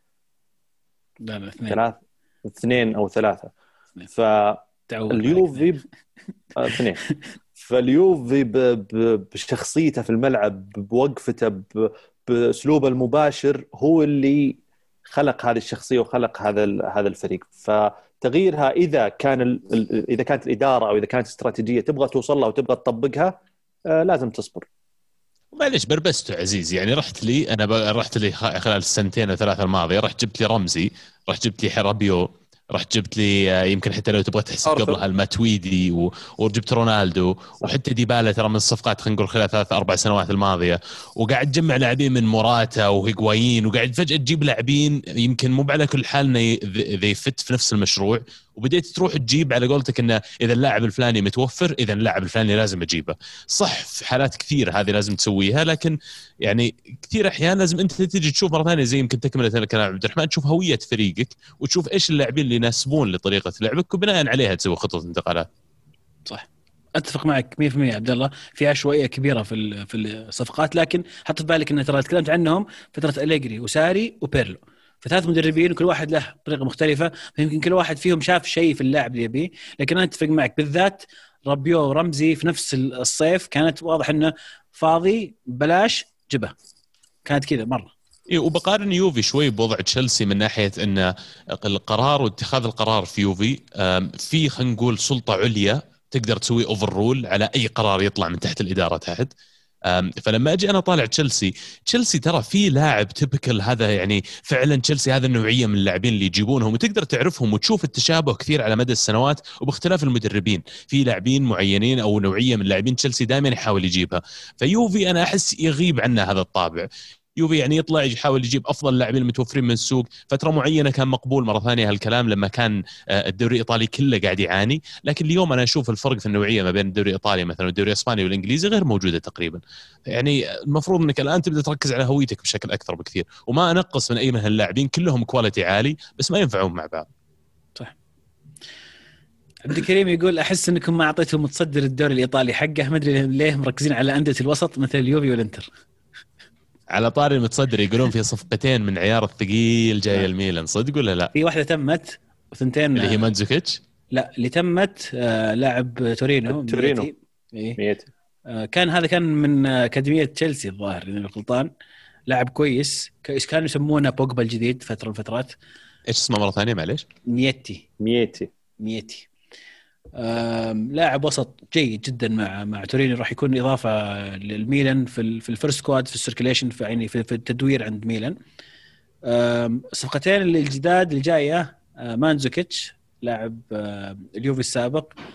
آم، 34 35 سنة الحين الظاهر. كمهاجم أتوقع راح يكون صفقة جميلة وبديل ل يعني ما أدري كيف هو 35 بديل لأبو 39 سنة لكن المهم إنه كويس ويناسب أسلوب لعب الميلان لاعب ال target point أو لاعب مؤقت. للصيف وما عنده نادي ببلاش يعني يقال شهور أو 18 شهر في كلام إنه 18 شهر ممكن يكون صفقة. آم، اللاعب الثالث توموري مدافع آه، تشيلسي. برضو تعزيز ل- هذه للدين. غريبة كانت. أتوقع تعزيز بس يعني لل- للمدافعين الموجودين يمكن ينجح وياخذ خانة أساسية. بس أحس إنه صعب. عندهم- تعلق رومانيولي كاير أحس صعب شوي. من إعارة مع حقيقة شراء. اي أتوقع لأن كاير جته إصابة أكثر من مرة الموسم هذا مرتين يمكن وجابي أتوقع برضه جته إصابة طويلة. فاضطر بيولي إنه يلعب كالولو الفرنسي المدافع الشاب الفرنسي. ممتاز جدا. بس أتوقع إنه على أساس يكمل منافسه يحتاج آه، مدافع يعني في حال توهقوا وبعدين تموري يعني جيد صراحة. تموري جيد ممتاز. بعدين معطين حق ميلان يعني راكبين الباص وكل أسبوع نقول بيولي ومنرشح. وذا يعني وجايبين ضيف ذاك اليوم ميلانيستا نسولف معه. قاعدين نسولف عن مين انهم لسه ما لعبوا بعد. محسن يقول الفارق بين ميلان الممتاز هذا الموسم وإنتر السيء هذا الموسم ثلاث نقاط فقط. ليش الهجوم والسلبيه من الإعلام على إنتر كأنها المركز الأخير؟ ويا عزيز القم أتمنى إنصاف بيريلا أفضل لاعب إيطالي. فأتوقع القم ما له دخل ببيريلا لأني دائما أمدح بيريلا. لا القم على الخسارة. يا ترى يا أوكي شو؟ مبروك. القم نقطه بعدين نكمل السالفه مبروك يا محسن. كان آه، في إيش في رأيكم في باريلا؟ في في نقطة بس الشب بس الشب على الإنتر بس أبغى أرجع لها. أن ليش يشبون على الإنتر؟ لأن الإنتر يعني عندهم كونتي وكونتي صار له موسمين وجاب له فريق من لوكاكو من سانشيز من آه، من يونغ من آه، اريكسون من باريلا وستيفانو سينسي يعني سمى الأسماء يعني سوى له فريق صار له فترة. كلنا كان يتوقع منه منافسة جدية الموسم الماضي لكنه جاب العيد في في في, في الربع الأخير وما قدر يلحق اليوفي إلا بعد ما اليوفي حسم الدوري. فكلنا يتوقع منه هالمرة خاصة إن اليوفي مع مدرب زي بيرلو آه، قليل الخبرة ويعني تذبذب مستوى الأندية الأخرى. مع ذلك يلقى يلقى الميلان متصدر و- والإنتر قاعد يلاحق فأكيد بيشبون عليه إيش قاعد تسوي أنت يا مفهم الميلان اللي اللي كان جايبين العيد والموسم اللي راح ما يدرون يخلون المدرب ولا يقيلونه. وانت جايب لك فريق ومظبط لك أمور وعندك كونتي جاب عشان يفوز الدوري للحين متى بعرف تمسك الاداره فيعني آه، يستاهلون ينشب عليهم. أسلم؟ بس والله باريلا صراحة يعني حرك ومزعج ولاعب ممتاز جدا جدا جدا صراحة من يمكن أفضل لاعب في خط وسط إنتر. وأفهم أفهم اعتماد كونتي الكبير عليه بصراحة. كل ما أشوفه بكل مباراة أقول فعلا هذا اللاعب لاعب مميز. من الموسم الماضي ترى هو قاعد يقدم مستويات حتى من الموسم اللي قبله ما كان مع وش اسم الفريق اللي كان معه؟ آه مو كا- كاليري هو ولا برو- مو بروج كاليري. نسيت. بطلع استنى. مع إن العلم عزيز وصحح لي إن أتوقع إن التوقعات كانت على سينسي أكثر من باريلا. اي ال- ال- الناس كانت يعني مشابهه مع سنسي لأنه كان سنسي يشوفونه أكثر مع مع ساسولو كان قدام العين. بس باريلا يعني كان كويس بس ما كان متوقع إنه يوصل إلى إلى هو ظهرنا في كاجري ولا؟ أو كاليري فريق أحمر أغلب كاليري. كاجري إلا أيام كاجري ما كان كاجري يقدم المستويات اللي كان يقدمها آه، ساسولو. ف... سولو. إي، نعم كاليري هذا اللاعب نوعية اللاعب اللي ودك يصير منه ثلاث آه، في ال- في الفريق أو أربعة. اي غير ذلك إن ستيفانو سنسي بداية الموسم اللي راح ترى قبل الإصابة كان كان مسوي مستويات رائعه خطه في الأنظار. آه، من أصيب بدأ يشبك شوي شوي باريلا. والموسم هذا يعني بريلا بدأ بداية ممتازة. طيب أسلم. الرحيب يقول ودي أسألكم هل أبدأ بالتفاؤل بالميلان؟ لأنه إلى الآن إذا سألني أحد أقول له أنتظر. بس وبتشوف النكسة. هو خليك متفائل دائما شفت؟ بس آه ترى الدوري ما أنتم فايزين عشان تكون أي، مبسوط أنا top four وراح تكون مبسوط وال Champions League الموسم الجاي وكذا. بس الدوري حق كونتي. ولا يا ابو داهم عندي سؤال لك. مت... اليونايتد وميلان نفس الوضع؟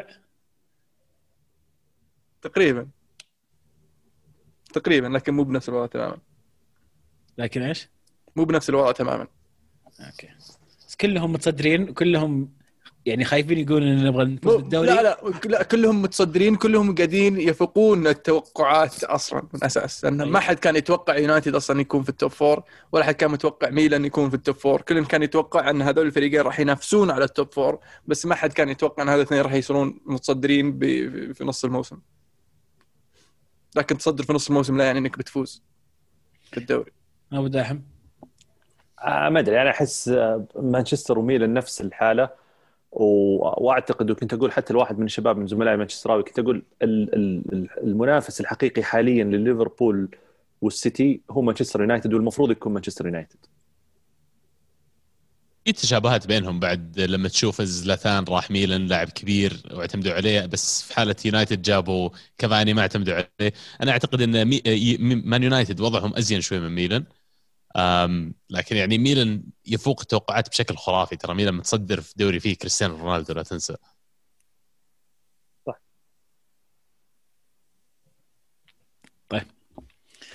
تفضل. حلو. ادينا حول العالم ولا بطل وبصل؟ وش في حول العالم؟ ما في إلا بايرن كبر الفارق في الصدارة. آه يعني في الهلال الاهلي يقولون لعبوا. في بوكا جونيورز فاز بكاس دييغو أرماندو مارادونا. لا تصرف لا تصرف بوكا جونيورز طلع من الكوبا ليبردوريس يا زلابة. وبالميراس وصل لنهائي الكوبا ليبردوريس سانتوس طيب وصل يعني ما. يهم ما يهم سانتوس يهم بالميراس بالميراس.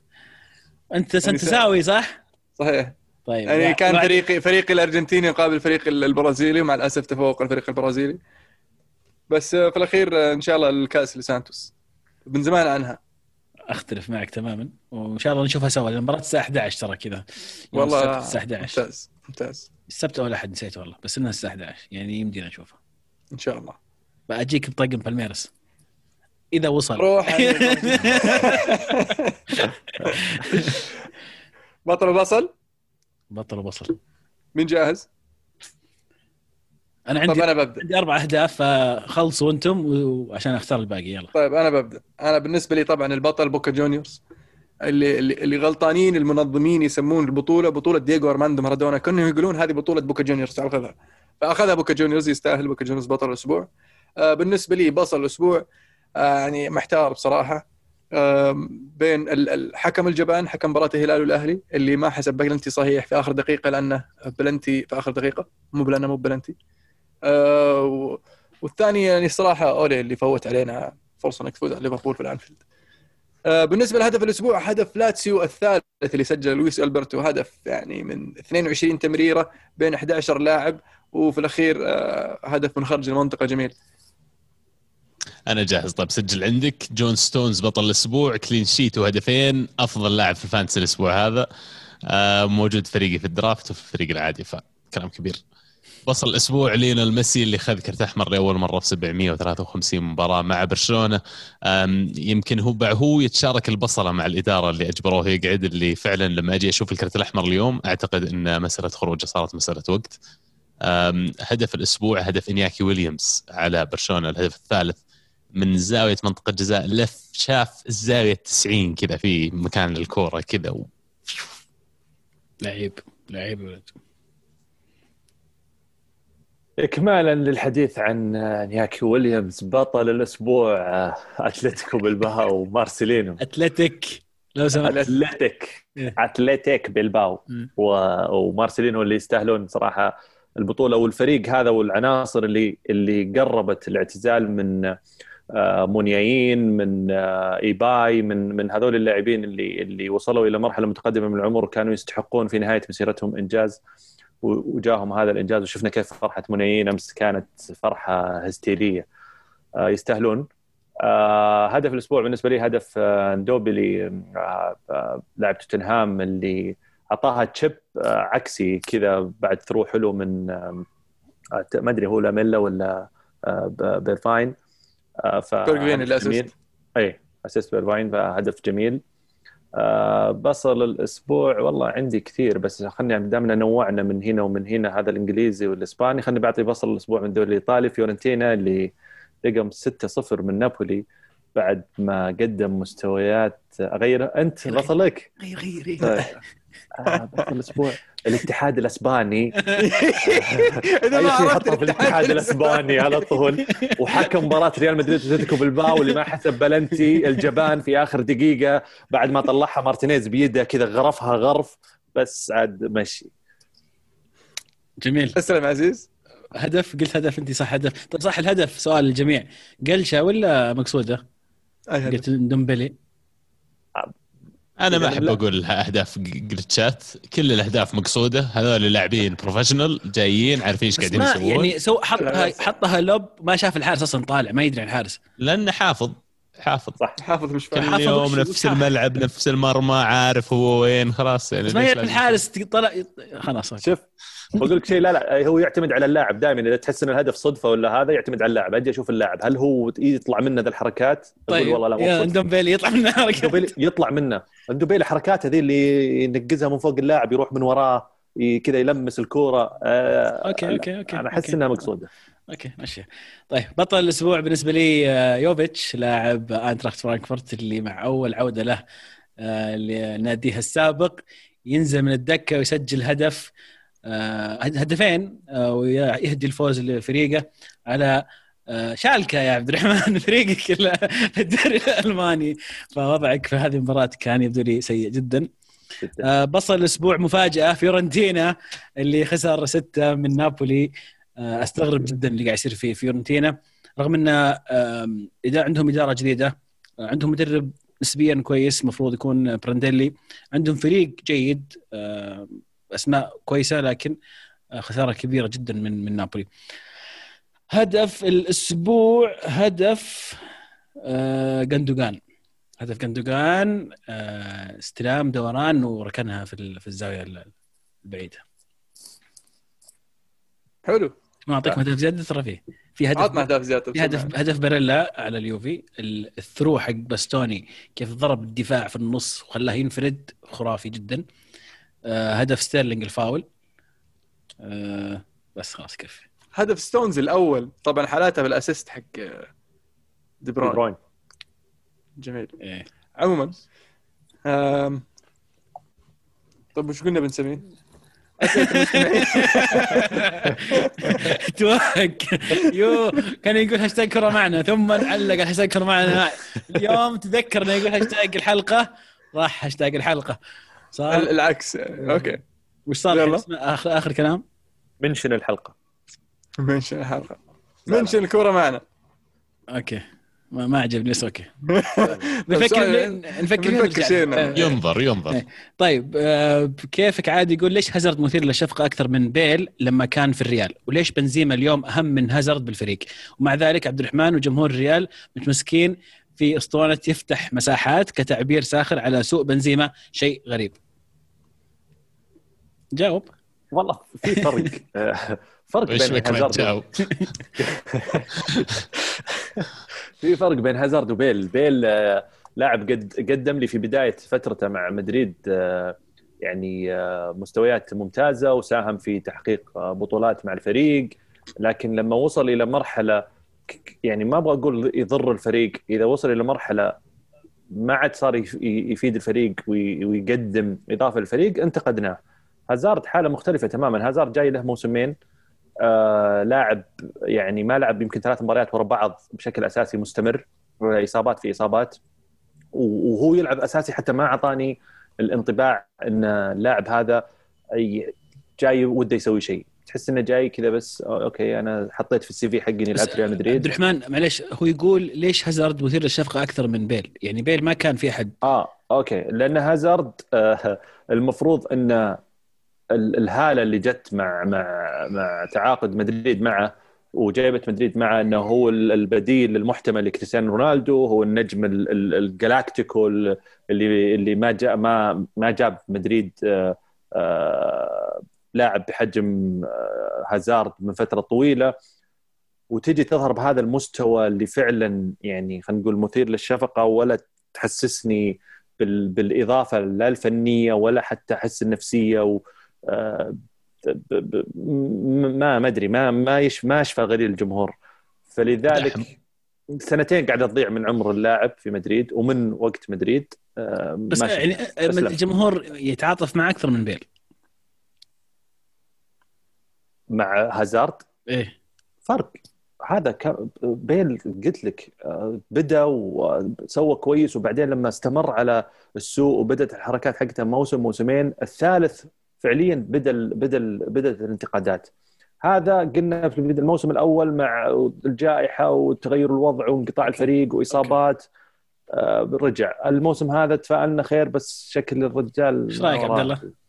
اسلم يعني أنا أحس إن هازارد ما جاي يحسسك إنه يسوي شيء ولا جاي على أساس إنه يشبع مثلا خلينا نقول آه، آه، طموح تعويض لاعب أو لاعب ثاني. هو جاي يقوم بدور معين في الملعب. أحسن حكم عليه هو المدرب. إذا تشوف المدرب مصر انه يلعبه بالذات في حالة مدريد اللي عندهم يعني خيارات كثير في كل مركز اذا اللاعب قاعد يقوم بالمطلوب منه من جهة المدرب. الآن يجي موضوع انه آه، رتم المباريات لما تدخل مباريات كثير مثل gear السيارة ال gear العادي gear أول gear ثاني gear ثالث كل ما تمسك خط كل ما ترتفع في خلينا نقول النمره اللي أنت ماسكها. وهازارد محتاج خلينا نقول يمكن 10 15 مباراة ورا بعض يلعبها بشكل أساسي الفريق مستقر عشان يقدر إنه يوصل الرتم ال gear الخامس. بس مدريد ما عنده وقت يعطيه فرصة فيه أنا هذا أقول. ينزلونه ما ينزلونه B ولين زبط مع ال B تعال. وين بيوديه؟ لحظة مدريد فعليا بالعكس متنشب بهازارد ما يقدر يبيع. يوديه تدري- مدريد team B لا ال- فنربخشة عارضين عليه الحين اعاره ست شهور. خلصت عقدهم ما خلصت فلوسهم على اوزل لا عاد. لا شوف بقول لك شيء عبد الله. آه، إيش لا إله إلا الله نسيت. آه، فرق لما لما أتكلم عن زي- آه، هازارد إنه جاي يحسسني بشيء. أنا ترى أتكلم من وجهة نظر زيدان زيدانية. يعني أنا أتكلم كأني يعني مشجع أو قريب من الفريق أو المفروض إنه يقدم لي شيء على أساس أحكم عليه أو على أساس أعطيه آه، الكريدت اللي قاعد يسويه. آه، آخذ فرص معينة. بوجهه نظري إن زيدان أعطاه آه، الشيء اللي الدعم خلينا نقول المعنوي من تصريحات من دعم آه، نفسي في وسائل ال- ال- الإعلام على أن هازارد عنده ما زال عنده قاعد يعطيه فرص يلعبها لكن آه، ما ما ما قدم الشيء المطلوب منه الا الآن. وأحس خصوصا بالشوط الأول في مباراة أتلتيكو الباو الاخيره اللي لعب فيها أساسي لما لاعب زي هازارد ينفرد مرتين في الباب من الطبيعي إنه يعني أول خيار له إنه يشوت أو يحاول يسجل هدف. فاللاعب هذا أعطاني انطباع بعدم ثقة بالنفس خايف يشوت ويضيعها فقال لا على المضمونة بعرضها وممكن يجي منها هدف. وللأسف يعني خسر الانفرادتين بعرضية تخلصت من من مدافع الخصم آه، فهي مشكله يعني ثقة نفس إصابات هبوط مستوى حمل كبير كلها متراكمة. على أمل إنه خلينا نقول النص الثاني من الموسم يتغير الوضع ويتحسن اللاعب بعد الآن رجعته من الإصابة بشكل يعني كامل. إذا رجال جمهوره قاموا يصفرون عليه إيش بيسوي؟ احمد رب هذا هو الحين بدون جمهور يعني إيه أقول لك إيش يسوي؟ إيه. إيش بيسوي إذا قاموا يصفرون عليه؟ أتوقع مو مكمل المباراة. أسلم عزيز. أسيست فاخر يقول الله يعطيكم العافية على المحتوى المتميز.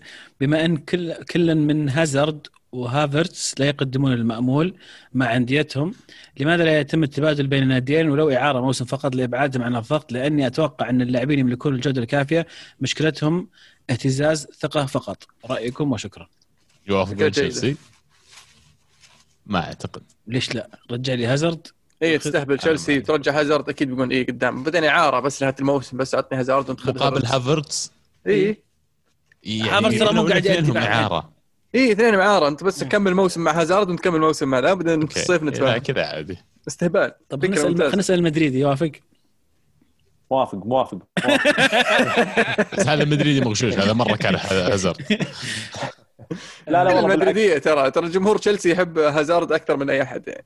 للحين يحبونه واضح عندهم هز- لا تكلمهم لا في هازارد ولا في مورينيو يعني هذول الاثنين إيه. لسبب من أو لآخر يعني في ارتباط ال- الجمهور تشيلسي فيهم أكثر من ارتباط الأشخاص هذول بتشيلسي وجمهوره فشيء غريب والله مسكين شو اسمه ذاك المدرب الشامسي لا لا لا اللي جاب لهم آه. اللي جاب لهم ساري؟ لا اللي جاب لهم Champions. آه، دي ماتيو. ديماتيو ديماتيو والله ديماتيو. حرام يا أخي مسكين ما حد ما ما يحبونه مع إنه هو اللي جايب ال Champions أنصف دي ماتيو يا شيخ. عبد الله يقول عندي قناعة إن هالمرحلة مرحلة الأسلوب الألماني. اللعب المباشر والوصول السريع للمرمى والاهتمام بالتسديد بعيدا عن الاهتمام المبالغ فيه بالاستحواذ. شفنا ليفربول قدم ثلاث مواسم ولا زال مع مدربهم الألماني كلوب والموسم الماضي ثلاث مدربين ألمان من أربعة متواجدين في نصف نهائي الأبطال. رأيكم؟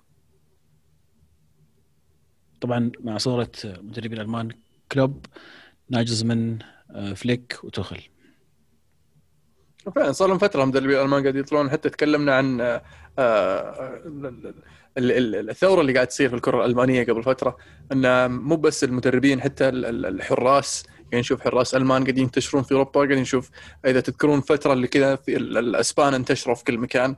فهذا اللي قاعد يصير بالألمان الحين قاعدين يبدون ينتشرون في كل مكان. تقريبا تقريبا كل فريق قاعد يحقق أشياء عنده لاعب ألماني.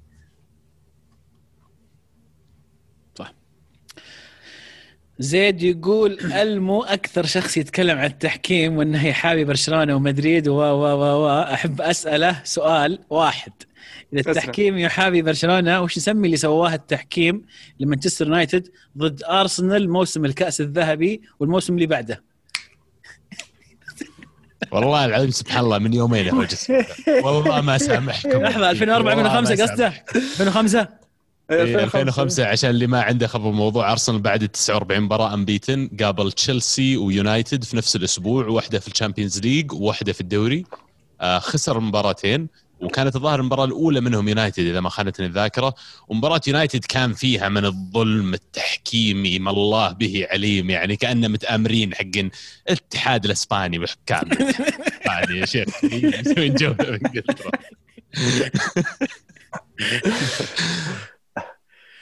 هي نفسها حقت نستروي يوم راحوا له آه، آه okay. آه، سالفة البلنتي اللي سجل السراي إيه. خسروا وقاموا يصيحون عرفتوا للحين كم صار له؟ 15 سنة 16 سنة الحين يصيحون عليها. هو اللي جاب طاريها ما كنت- تو قاعد تقول أفكر فيها. المفروض إني ما قلت بس يعني نسوي نفسنا ما قلت okay؟ أنا بالعين اسمع اللي هو بلنتي الرود نستروي ولا لا؟ بالعين آم، علي يقول سؤال. آه، نبي نعرف هل بدأت المعركة النفسية بين كلوب وأولي وبيب؟ يعني من المفروض تفهم من من أول ما قام يصيح كلوب. يعني تو مخلص من مباراة آه، شو اسمهم ذولي؟ ساوثهامبتون ويقول يا أخي مانشستر يونايتد ياخذ بلنتيات أكثر مني بخمس سنوات أنا قاعد هنا ما يجيني بلنتيات إيش هذا الكلام؟ يعني واضح الرجال منضغط عرفت؟ يبغى يضغط أولي بس إنه ما ما عرف بس كنا بيب طلع من المشا... السواليف دي. خلاص بعد شوي. بيجيك طيب. مورينيو الحين بيخليه يسوي كذا. اصبر عليه. مورينيو كان ترى مروق. مروق. ويجون يحكون أقول لا لا لا انا إحنا الترتيب. لا إيش ما نركز على الترتيب. اصبر عليه يصير الثاني. اصبر عليه. يا هو بيطقطق. يا هو بيط... أنا متحمس. أبغى أشوف مورينيو يبدأ يطقطق. ليش ليش المدربين آه، مسموعين أكثر؟ أو صوتهم يعني نسمع كثير في الإعلام في في إنجلترا. يعني الحين مثلا أنت كلنا نعرف إن كلوب وجارديولا ومورينيو وحتى أولي من تالي كلنا نحتري تصريحهم بعد المباراة ومناقر بينهم. صاير الشيء هذا ما نشوفه كثير وأكثر ما نشوفه في في إنجلترا. هل هذا شيء متعمد من من من دور الإعلام لما يجي يسوي مقابلة مع المدرب بعد المباراة دائما؟ وش يصير؟ يركزون عليها يركزون عليها لأنهم آه، بالعكس يحبون الأشياء دي لو تلاحظ مؤتمر صحفي قبل المباراة مغطى بالتلفزيون وتلقاه على اليوتيوب تلقاه على أي مكان تبغاه ويجلسوا لك كذا منشور عن وش صار. ومؤتمر صحفي بعد المباراة غير المقابلة اللي تصير بعد المباراة على طول عرفت؟ فيعني يبغون هم ال- ال- المدرب وش يقول. فيعني يقول لك أصلا المدرب لما تخلص المباراة ترى يسوي مقابلة شخصية مع ثلاث أربع قنوات بعدين ياخذ له بريك ثم يروح يسوي المؤتمر الصحفي حقه. صح فيعني يوصل آه. من هد أصلا. إيه فالانجليز يحبون الأشياء ذي يحبون الحركات ذي. وفي بعض المدربين الصحفيين يقدرونهم على غيرهم مثل. مورينيو مثلا. مثل فان خال عرفت؟ المدربين اللي يعطونهم content حتى كلوب ترى يون- يونسهم ترى. أتذكر تصريح كلاتنبرغ مارك كلاتنبرغ الحكم لما قال عن آه، ان إحنا كنا نخاف آه، إذا مانشستر انهزم من المؤتمر الصحفي لفيرجسون بعد المباراة. فواضح إن في جلد يطلع للحكام من من المدربين وبينهم وبين بعض بعد المباراة. فيعني من أيام فيرجسون. من تالي الظاهر صاروا يس- يسكتونهم. و if I speak I'm in big trouble خبر مورينيو. فصايرين أي أحد يغلط على مدرب ولا على حكم ولا شيء فيها فيها إيقافات. فصاروا حيلهم بينهم. يروح يهاجم يونايتد يهاجم سولشاير يهاجم يذب على على بعض. وحنا ك- يعني تجينا مادة إعلامية دسمة فيها طقاق وهواش وننبسط. مسكين ذا السولشاير مسكين توه جاي صغير ما يعرف لهم أصبر. أيضا علي طبعا يقول بطل الأسبوع لاعب إنتر ميلان باريلا اداء ولا أروع ضد اليوفي. بصل الأسبوع أو كيس بصلات لدورتموند لايبزيج ليفركوزن لجعل بايرن يحلق بعيدا في صدارة الدوري. هدف الأسبوع هدف دومبيلي على شيفيلد يونايتد. فرايدي يقول وش بينكم بين الدوري السعودي؟ حطوا له فقرة زيه زي الدوريات الثانية. مو معقول الفترة الماضية كان في مباريات قوية وساحبين عليه. أتمنى توضيح الأسباب الحقيقية. هل وإنه أنكم خايفين من ردة فعل الجمهور أم ماذا؟ لا والله. أقول؟ إيه تفضل قل عادي. أقول؟ إيه. والله إيه شوف أنا كنت أتكلم كثير عن الدوري السعودي بالعكس كنت أحب أتكلم عن الدوري السعودي بس بدأوا الشباب يقطعون الكلام. آه طبعا الخوف مو من الجمهور الخوف من شخص قال له تركي آل الشيخ هو اللي خلانا ما نسولف. بس. لأن لما الواحد يتكلم يقول لك لا انتبه ما يصير تقول كذا ما أدري وش ثم إنه ينبح صوتي وأخرتها يقصونها من الحلقة. فشو له حكي؟ خلاص. طيب راح. خلت- آه، طيب آه، خل راح الدوري السعودي. تغير رئيس ال- الهيئة ورئيس الاتحاد. رئيس- ما قد صار رئيس الاتحاد هو. رئيس الهيئة عفوا أو وزير الآن الرياضة وزير. طيب. خلاص يعني خلاص نتكلم عن الدوري السعودي الحين. وش ترمي عليه؟ خليني آخذ راحتي ولا تقعد تستهبل. والله أنا من ناحيتي أنا مو ابد خذ راحتك دامك ما تغلط على أحد ولا تقول شيء غلط أنا بالنسبة لي ما عندك مشاكل. قل قل اللي تبي. بس أنا ودي إن عبد الله يكون موجود عشان عبد الله يمكن عنده رأي مختلف. يسمعك هو. إيه. طيب. خلاص المرة الجاية وش المرة الجاية؟ إذا عندك سؤال عن الدوري السعودي اسأل بس. خلاص. بنرجع فقرة عن الدوري السعودي يعني ولا بنسوي ممكن نسوي بودكاست دوري سعودي خاص بالدوري السعودي؟ ممكن. خلينا نشوف. صورة معنا خضراء. لوجو يجي. طب خلينا نسمع منكم. شوف خلينا نشوف آه، المستمعين وش يبون. أتوقع هذا أحسن حل. تبون فقرة دوري سعودي تبون من ضمن آه، فقرة حول العالم؟ إذا كان في شيء يعني يستاهل نتكلم عنه نتكلم عنه. ولا تبون بودكاست كامل مختص بالدوري السعودي؟ أخيرا أسمعكم.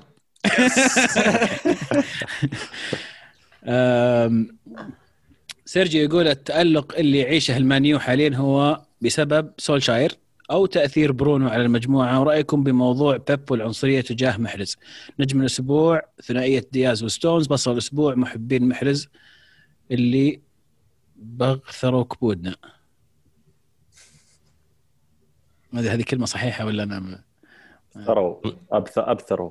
ما فيها غين فاستغربت. المهم.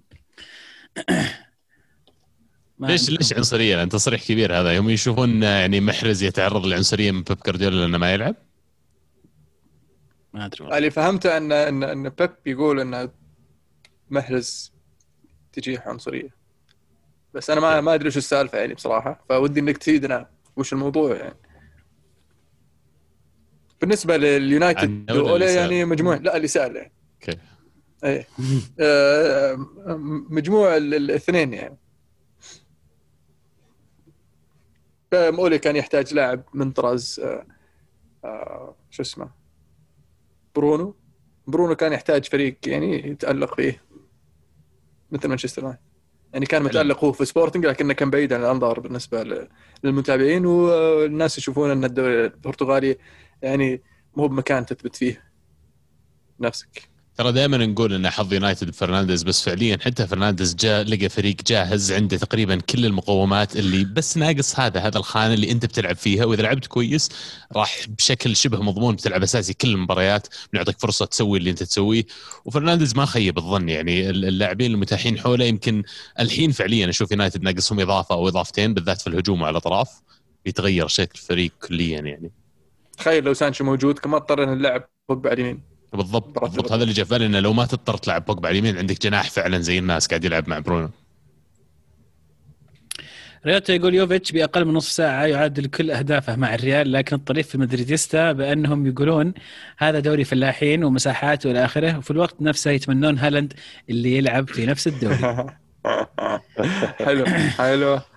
لا لا أنا عندي تعليق. معليش.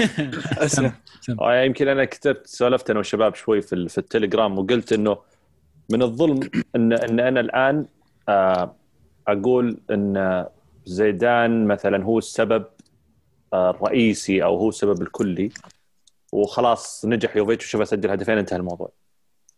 آه، أنا أعتبر إنه يوفيتش خلينا نتفق في البدايه إنه يوفيتش ما أخذ فرصته الكاملة في ريال مدريد وظلم لكن يحتاج هذا النوع من المباريات ويحتاج هذا هذه الاستمرارية عشان أقول فعليا إنه إذا رجع الموسم الجاي لازم يحجز مكان أساسي ويلعب أساسي في في في مدريد. وإذا بتكلم عن موضوع المقارنة هي إمكانيات لاعبين. يعني أنت من الطبيعي إنك لما تشوف هالاند وتشوف يوفيتش آه، تفرق كيف طريقة تسجيلك الهدف كيف إمكانية اللاعب وقدراته. وفي الأخير معليش يعني أنا شفت مباراة يعني للاسف يعني شالكة. آه، يعني كنت مأمل إن شالكة على الأقل شوي هذا. شالكه ك- دفاعيا سيء وفي مستوى سيء جدا جدا يعني آه، الهدف دقيقة يمكن في نص الشوط ال- ال- الثاني أو أول ربع ساعة من الشوط الثاني الفريق آه، كان يعني يلا يركض ف يعني أنا أثق في يوفيتش وعندي قناعة إنه آه، مهاجم ممتاز لكنه يحتاج الاستمرارية ويحتاج إنه يثبت نفسه ويطور من شخصيته على أساس يحجز مكان أساسي حتى في مدريد. زياد يقول وش مشكلة وش مشكلة الهلال الحالية؟ هل هي المدرب أم اللاعبين؟ أعتقد من منظوري الشخصي أن المدرب يتحمل جزء بسيط مقابل تخاذل اللاعبين لأن وظيفة المدرب يوصلك للمرمى. أي شيء يصير بعدها ما له دخل فيه. بطل الأسبوع المعيوف بأداء رائع قدام الأهلي. بطل الأسبوع الإعلام الرياضي اللي يحاول يستغفلنا. في ناس كثير قاعد آه، تلوم لوشيسكو. هذا هذا الطابع طبعا سيء في في في الشارع الرياضي السعودي مع الأسف. آم، مدرب يسوي لك موسم خرافي يحقق لك إنجازات والموسم اللي بعده يواجه تعثر آه، لظروف آه، يعني أحيانا تكون آه، متنوعة. بالنسبة للهلال في وجهة نظري ال- ال- المشكلة ضغط المباريات اللي اللي صاير من الموسم الماضي إلى الامتداد إلى الموسم هذا كبر سن عناصر مهمة في الفريق مثل جوميز وجوفينكو وإصابات بعض اللاعبين مثل خط الدفاع اللي كان فيه المصاب آه، هيونسو وش اسمه البليهي وشفنا إصابات برضو ال- البريك هذا الموسم متكررة وإصابات برضو آه، ياسر الشهراني. ف سالم. في وحتى سالم الحين مصاب. فيعني في أشياء أشياء متعددة قاعدة تصير آه، واضطر أحيانا إنه يغير تشكيلته ويغير طريقة لعبه. فأكيد أشياء بتأثر على آه، على مستوى الفريق. لكن مع ذلك الهلال ما زال متصدر. بس ما يؤسفني كثيرا إن كيف ال- ال- الجمهور مستعد إنه يقلب بريال على مدرب. يا ماني بقايل توه جايب لك آسيا وانت قاعد طاردها صار لك 20 سنة الحين قلبت عليه. يعني مو بمعقول يعني. اعطي الرجال فرصة. بس خلاص. الشارع الرياضي ذاكرته قصيرة جدا يا ألمو. صح, صح. فعلا هذا ترى هذا هذا مو بس جمهور الهلال لأن أقعد مع ناس كذا جمهور الأهلي قبل فترة آه، جمهور النصر جمهور آه، الاتحاد. يعني الاتحاد يعني حدث ولا حرج بس يعني. أنت تحس في الدوري السعودي يعني موجودة ال- الذاكرة قصيرة لا. الأمد أكثر من غيرنا؟ أي حتى حتى المنتخب حتى المنتخب يعني. حتى يعني حتى شيء- حتى, حتى الشباب اللي يتابعون دوريات آه، أوروبية ترى نفس نفس نفس الشيء. في طابع أنه آه، وش كان يقول؟ إيش كان يقول ذاك؟ what have you done for me lately تنسى تنسى اللي صار قبل ثلاث مو... ثلاث جولات على آخر جولتين جاب العيد خلاص. مدرب فاشل مدرب ما يصلح. بس عيال ف- هذا في كل مكان في العالم يعني إيه. كرة القدم. أنت وش قدمت لي خلال آخر مباراة خلال آخر شهر خلال آخر موسم؟ هذا اللي يجي في الحسبان أما أنت جبت معي بطولات وما أدري إيش ما يفيدني اليوم على الملعب. وشلون ما يفيدك يعني؟ يتكلم عن فريق الحين متصدر الدوري حامل اللقب. فريق فايز بال... بالكاس فايز بآسيا. لا لا أنا ما أتكلم عن عرفت؟ الهلال. كل هذا اي هذه الحالة الحين عرفت؟ فهذه كل الاشياء مسويها عرفت؟ فاكيد راح تواجه تعثر أحيانا فشيء طبيعي ما راح يصير الفريق دائما في القمة. آه لأن أصعب شيء إنك تخلي الفريق على القمة. بس مو هو دائما لما تقيل المدرب وتركب واحد بداله راح تظل على القمة. لأنه ممكن هذا الشخص اللي تجيبه الحين يعطيك الفزه بعدين نهايه الموسم تدحدر وتخسر كل شيء. معاملهم قطع مع- غيار إيه. المو... مع- مع ال-. مع المدرب هذا ممكن تواصل ت- تعدي مرحلة هذه مرحلة ال- التعثر. بعدين يرجع يركب الفريق لما يكتمل الفريق من ناحية عناصر من ناحية لياقة من ناحية آه، آه، لعب فريق مع بعض لفترة يعني مستمرة متتالية تبدأ تلقى الفريق قاعد يلقى من نهاية الموسم. بس غير منطقي إنه لما يتأثر الفريق بداية الموسم خلاص تنسى كل شيء صار وخلاص غير مدرب غير لاعبين انسى مدري من هو آه، أنا أذكر يوم يوم ال- ال- ال- ال- الجمهور كذا قلبوا على نيفز نيفز فجأة. آه، ثم عقبها كارلوس إدواردو. يعني آه، بالنسبة لي أنا أفضل كارلوس إدواردو يكون موجود عن إنك تخليه لي خربين سنة ونص بعدين ما أستفيد منه. هذاك الحين مشيته ويلا دور لك مهاجم ثاني. طيب ليش ما خليت كارلوس إدواردو؟ وش العباطة ذي؟ أسلم. جاء في بالي سؤال آه، معليش آه، اسمح لي يا عزيز. تفضل. آه، لين متى أعطي المدرب الحصانة بعد اي مدرب في العالم؟ سواء في الدوري الأوروبي أو الدوري السعودي. لين متى أعطي المدرب الحصانة بعد ما يحقق هذا النوع من الإنجازات؟ يعني هم انت الآن طالبت في- بان ما في المدرب. يستمر. هل في حصانة معينة؟ هل في وقت معين؟ هل في مؤشرات معينة تخليني أقول الآن لا خلاص جاء وقت الاقاله رغم كل اللي سواه من إنجازات؟ شوف هو ما في قانون ما في قاعدة تمشي عليها ثابتة. هي طبعا لكل لكل حالة ظروفها والاشياء اللي قاعد تصير حولها في الملعب أو أداء الفريق. اضف ذلك إن في الحالة هذه مثلا الهلال متصدر. يعني الناس قاعدة تكبر الموضوع شوي وتشوف إن الهلال في أزمة مثلا ولكن الهلال في نهاية اليوم مع كل الظروف اللي تكلم عنها ألمو ما زال متصدر. يعني أحس شفنا أداء الهلال مع هذا المدرب على فترة الموسم الماضي كاملة ونعرف وش ممكن يقدم الهلال مع هذا المدرب مع تغير اللاعبين. ما زال المدرب يعرف يستفيد من الفريق.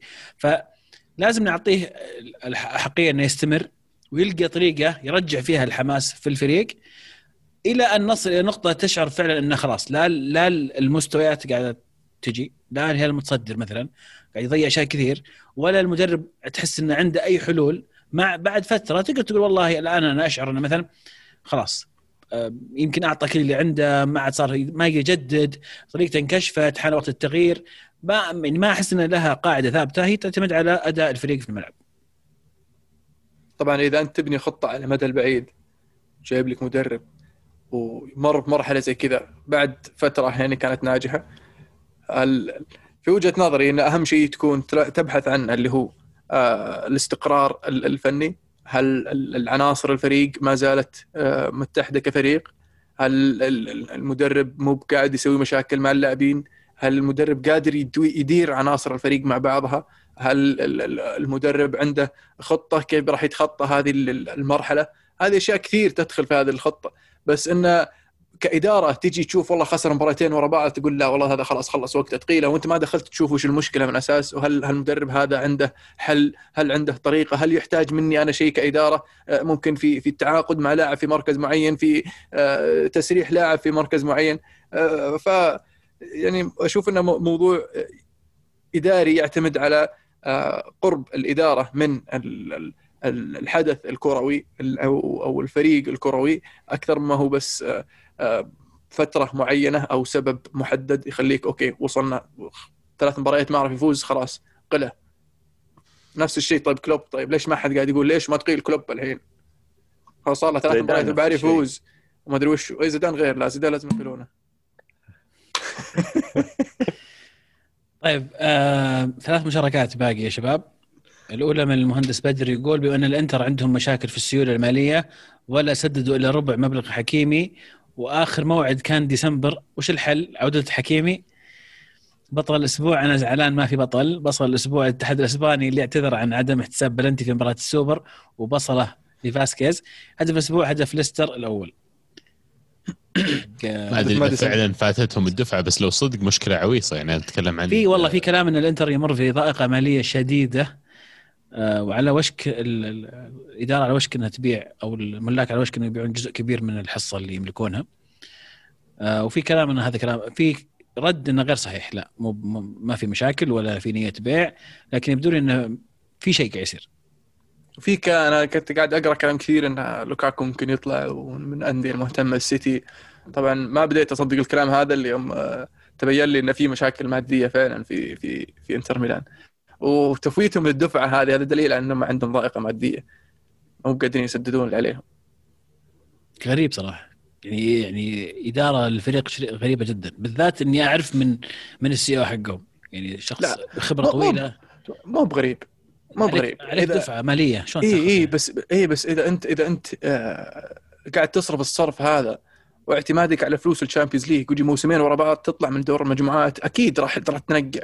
يعني على الاقل الموسم الأول وصلت نهائي ال Europa League بس still يعني في ال Europa League نهائي ال Europa League ما راح يجيب لك فلوس حقت بس مباراتين دور 16 بعدين تيجي من الموسم اللي بعده حتى الدور ال Europa League ما يتأهل فيعني في في بلا. حسن يقول السلام عليكم. كل شكر وتقدير لكم وعلى مجهودكم. وضعي مع اليوفي نفس وضع عبد العزيز. يوم ما يبغى يتكلم عن الفريق سؤال للراقي عبد الله. رايكم رأيك ب quality لاعبين الأرسنال بالمقارنة مع الفترات السابقة. مهند وش شعورك بعد اعتزال روني؟ والله مسيه بالخير حسن آه، عضو بودكاست الظاهر راديو يوفي إذا ما كنت غلطان. صحيح. إي من أقدم متابعينا ب- الله آه، الله يعطيك العافية اول شيء على الكلام الزين. وبالنسبة لأرسنال quality اليوم عن quality قبل. أنت تتكلم واحد تفرج على أرسنال فترات كان يلعب فيه ناس زي بيركامب زي هنري زي فييرا زي جيلبرتو سيلفا سول كامبل. أسماء يعني تروع. بارتي واليوم يعني مرة ثانية تشاكا كابتن. يعني مو بكابتن بس إنه يعني تشاكا يلعب أساسي في الوسط. يعني أنا يعني عندي مشكلة الصراحة وملاحظات كبيرة على ال quality في الفريق الموروني روني آه، بالنسبة لي أعتزل لما لما راح لأمريكا. لأن واضح إن اللاعب لسه فيه إنه يلعب بس إنه يبغى يبغى يبغى يكمل. عرفت؟ فراح بالنسبة لي كانت رحلة اعتزالة في في أمريكا. وأعلان اعتزاله هذه الفترة وهذا الأسبوع كان كان سعيد جدا بالنسبة لي بحكم إنه صار مدرب وانتقل من فترة لاعب إلى مدرب لأن حتى توقيعه مع ديربي كاونتي كلاعب مدرب في في آه، بعد بعد فترته في أمريكا كان بس تمهيدا له لدخول آه، عالم التدريب وتعيينه ك كمدرب مؤقت كانت فتره كانت يعني خطوة آه، مهمة وأنا سعدت جدا أنه أعتزل الكرة عشان يصير مدرب وأنه أخذ ال ال ال ال المنصب ك- كمدرب دائم لديربي كاونتي وأتمنى له كل التوفيق بالعكس. وإن شاء الله نشوف آه، روني يدرب في في البريمير ليج. وأنا إذا تسمحون لي بعد أعد البطل حقي الصراحه كنت أبغى أعطي روني فعلا بطل الأسبوع يستاهل اللي اعتزل كرة قدم بشكل رسمي. اللي تابعوا البريمير ليج من أول آه، ظاهر appearance وكان ضد ارسنال شوف المصادفة جاء لعب ضد ايفرتون سجل ضدنا هدف مجنون. وأتذكر وقتها أشوف المباراة أنه what the hell من اللي من وين طلع لك؟ عرفت الورع والشوتة الخرافية. ومن بعدها هداف تاريخ منتخب إنجلترا واحد من أساطير ال- ال- البريمير ليج بلا شك مو بس يونايتد و هداف ويمكن تاريخي لمانشستر يونايتد وثاني هدافين تاريخي للبريمير ليج. يعني هداف. كمان. فسؤالي لكم شوي بس روني في لحظة زي كذا طلع ضد أرسنال كان خلينا نقول في عالم ثاني كان ممكن إن أرسنال يروح يتعاقد معه لأنه شافه أول شيء في المباراة هذه.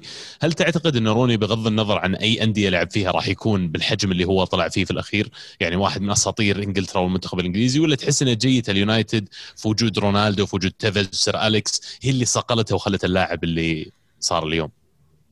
لا بصراحة لأن لأن روني لما تسمع المدربين اللي من يوم صغير أه واحد يتكلم عنه يقول شفته أنا أول مباراة شفته له كان مع تحت ال 18 مع إيفرتون كان يلعب عمره 16 سنة ويروح يسجل هاتريك يلعب مع فئة أكبر منه. عمرية هو المفروض يلعب مع فريق تحت ال 16 قاعد يلعب مع فريق تحت ال 18 ويسجل هاتريك وعقبها يلعب في البريمير ليج ثم يروح يسجل ضد أرسنال فهذا يدلك أن اللاعب عنده موهبة. واللي يميزه عن غيره طبعا ال- ال- ال- القوة البدنية آه، اللياقة العالية انه أنه كان سريع ترى كان مرة سريع. الناس ما تنتبه إنه مرة سريع لما تشوف العادة يركض هو رونالدو يسبق رونالدو أحيانا. ف آه هذه أشياء كثيرة أثرت عليه في في في نهاية مسيرته لأنه غير أنه بدأ بدري أنه من ال- ال- اللاعبين اللي يبذل مجهود كثير كبير في الملعب. ف لما كبر في السن ما صار يقدر يركض المسافات اللي يركضها ولا صار عنده السرعه اللي اللي يقدمها. ومع الأسف في مانشستر يونايتد ما ما شفناه أكثر يلعب في في خط الوسط بحكم إنه ما عاد يقدر يق- يسوي الأشياء الهجومية اللي اللي مطلوبة منه. على الأقل تشوفه في خط الوسط ممكن آه، يعني يستمر آه، مدة أطول في في في اليونايتد. لكن بشكل عام حتى لو ما راح اليونايتد هذيك الفترة راح فريق ثاني مثل أرسنال راح يكون عنده أرسين فينجر آه، راح يكون عنده تييري هنري ولسه مو كان موجود في آه، فييرا وغيره من اللعيبة فأتوقع راح راح كان راح يظل روني. هنري كان لسه موجود ذاك الوقت؟ yeah هو جاء اليونايتد 2004 أوف. yes. والله الدنيا تطير. بعد بعد اليورو 2004 تذكر يو يا ساتر. والله اني اذكر الهدف كان امس والله ما أدري ليش عالق. عالق في راسي الهدف صورة صورة روني عالقة كان تو نازل. بعد صح كان تو نازل صح. وكان تو تو المعلق قايل إن هذا عمره 18 روني مين؟ عرفت البزر نزل لا أول جاي تو جاي 16. 18 16 كذا بزر تو من أصغر اللعيبة في تاريخ طق الهدف وش ذا الأحمر اللي إيه. دخل عرفت؟ في في شيء في شيء هنا. إيه. إيه، روني طيب آه على طاري إيفرتون مشاركة أخيرة من سعود يقول أنشيلوتي قدر يعوض غياب ريتشارلسون بوضع لوكاس دين على الجناح الأيسر وراه قلب الدفاع بن جودفري عشان يعطي أريحية للوكاس ولكن لم يستطع تعويض كالفرت لوين حط خاميس رودريغيز وسيجوردسون مهاجمين رغم وجود توسون في الدكة بعد ذلك اخرج سيجارتسون ودخل ريتشارلسون مهاجم. توسون مقلب. يا أخي كان كويس أول ما جاء. توسون سجل صدق أول ما جاء سجل ترى وكذا بس كويس أحس. بس ما ما ما ركب مع الفريق ولا مع مع الدوري حتى. واستغربت أنا مستغرب إنه للحين مع الفريق مو بعرفين يصرفون حتى. روحون فنربخشة يقولون. في والله قطار. ماشي من. ودي ودي. ايفرتون فوق تحت يبدو لي فريق مو يعني ما مو بدأوا يشبكون مؤخرا. يعني المباريات. الأخيرة قاعدوا يزبط. إيه.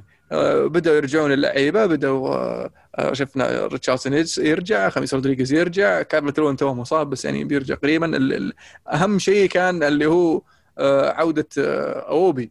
إيوبي كان يعني مو من أهم اللعيبة بس وجوده كعنصر في الفريق من الناحيه التدوير لأنه لاعب موهوب لاعب جيد وراح يستفيدون منه يعني. و- ويعني عودته للمستويات الطيبة راح تكون شيء في صالح إيفرتون وانشيلوتي على المدى البعيد. وبالنسبة لي البديل لكالفرت لوين البديل الطبيعي هو ريتشارلسون وليس توسون. أنا عارف أن اللاعبين مختلفين بس ريتشارلسون هو اللي كان يلعب striker معاهم قبل ما يقلش كالفرت لوين بالطريقة هذه. فيعني اليوم طبيعي أنه تعتمد عليه بشكل من جديد. آه، أنك تلعب سالفة false nine تحط لي آه، خاميس والثاني شو اسمه آه، سيجوردسون أنا بالنسبة لي ما تناسبني في الحركات هذه في الأندية كثير. حتى لما كنا نشوفها مثلا تشيلسي يسويها مع هازارد الظاهر أرسنال سواها فترة مع فابريجس السيتي مع دي بروين. فأحس إنه تاخذ أنت لاعب وسط مهم جدا يضيف لك الكثير. ترميه في الثلث الأخير من الملعب تعلمه role جديد. ومو على كل حال إنه هو هذا أفضل شيء الفريق بالذات إذا عندك خيارات ثانية زي ريتشارلسون مرة ثانية ولا حتى توسون. حلوين. كذا نكون خلصنا فقرة المشاركات. ال- ال- الردود ال- ال- المنشن. ال- أعطونا اسم يا جماعة صعبة مرة لكن شكرا. شكرا إن ال- الجميع بسرعة تأقلم مع التغيير ما شاء الله ردود مرة كثيرة على على التغريدة سميها فقرة الكرة معكم حلو حلو, إيه. حلو. واعتذر أو نعتذر عن ال- الناس اللي مشاركين في الهاشتاج سحبنا عليكم عشان بس تلقونا تدلون الطريق المرة الجاية. والمرة الجاية يعني آه، إذا ما عندك سؤال آه، تشاركنا إياه سؤال الحلقة. حط retweet يمكن في أحد في ال- إيش في ال timeline عندك وده يسألنا سؤال. فما يمنع ترى. حتى لو سألت ما يمنع تحط رتويت عادي. حط ال tweet وبس. ما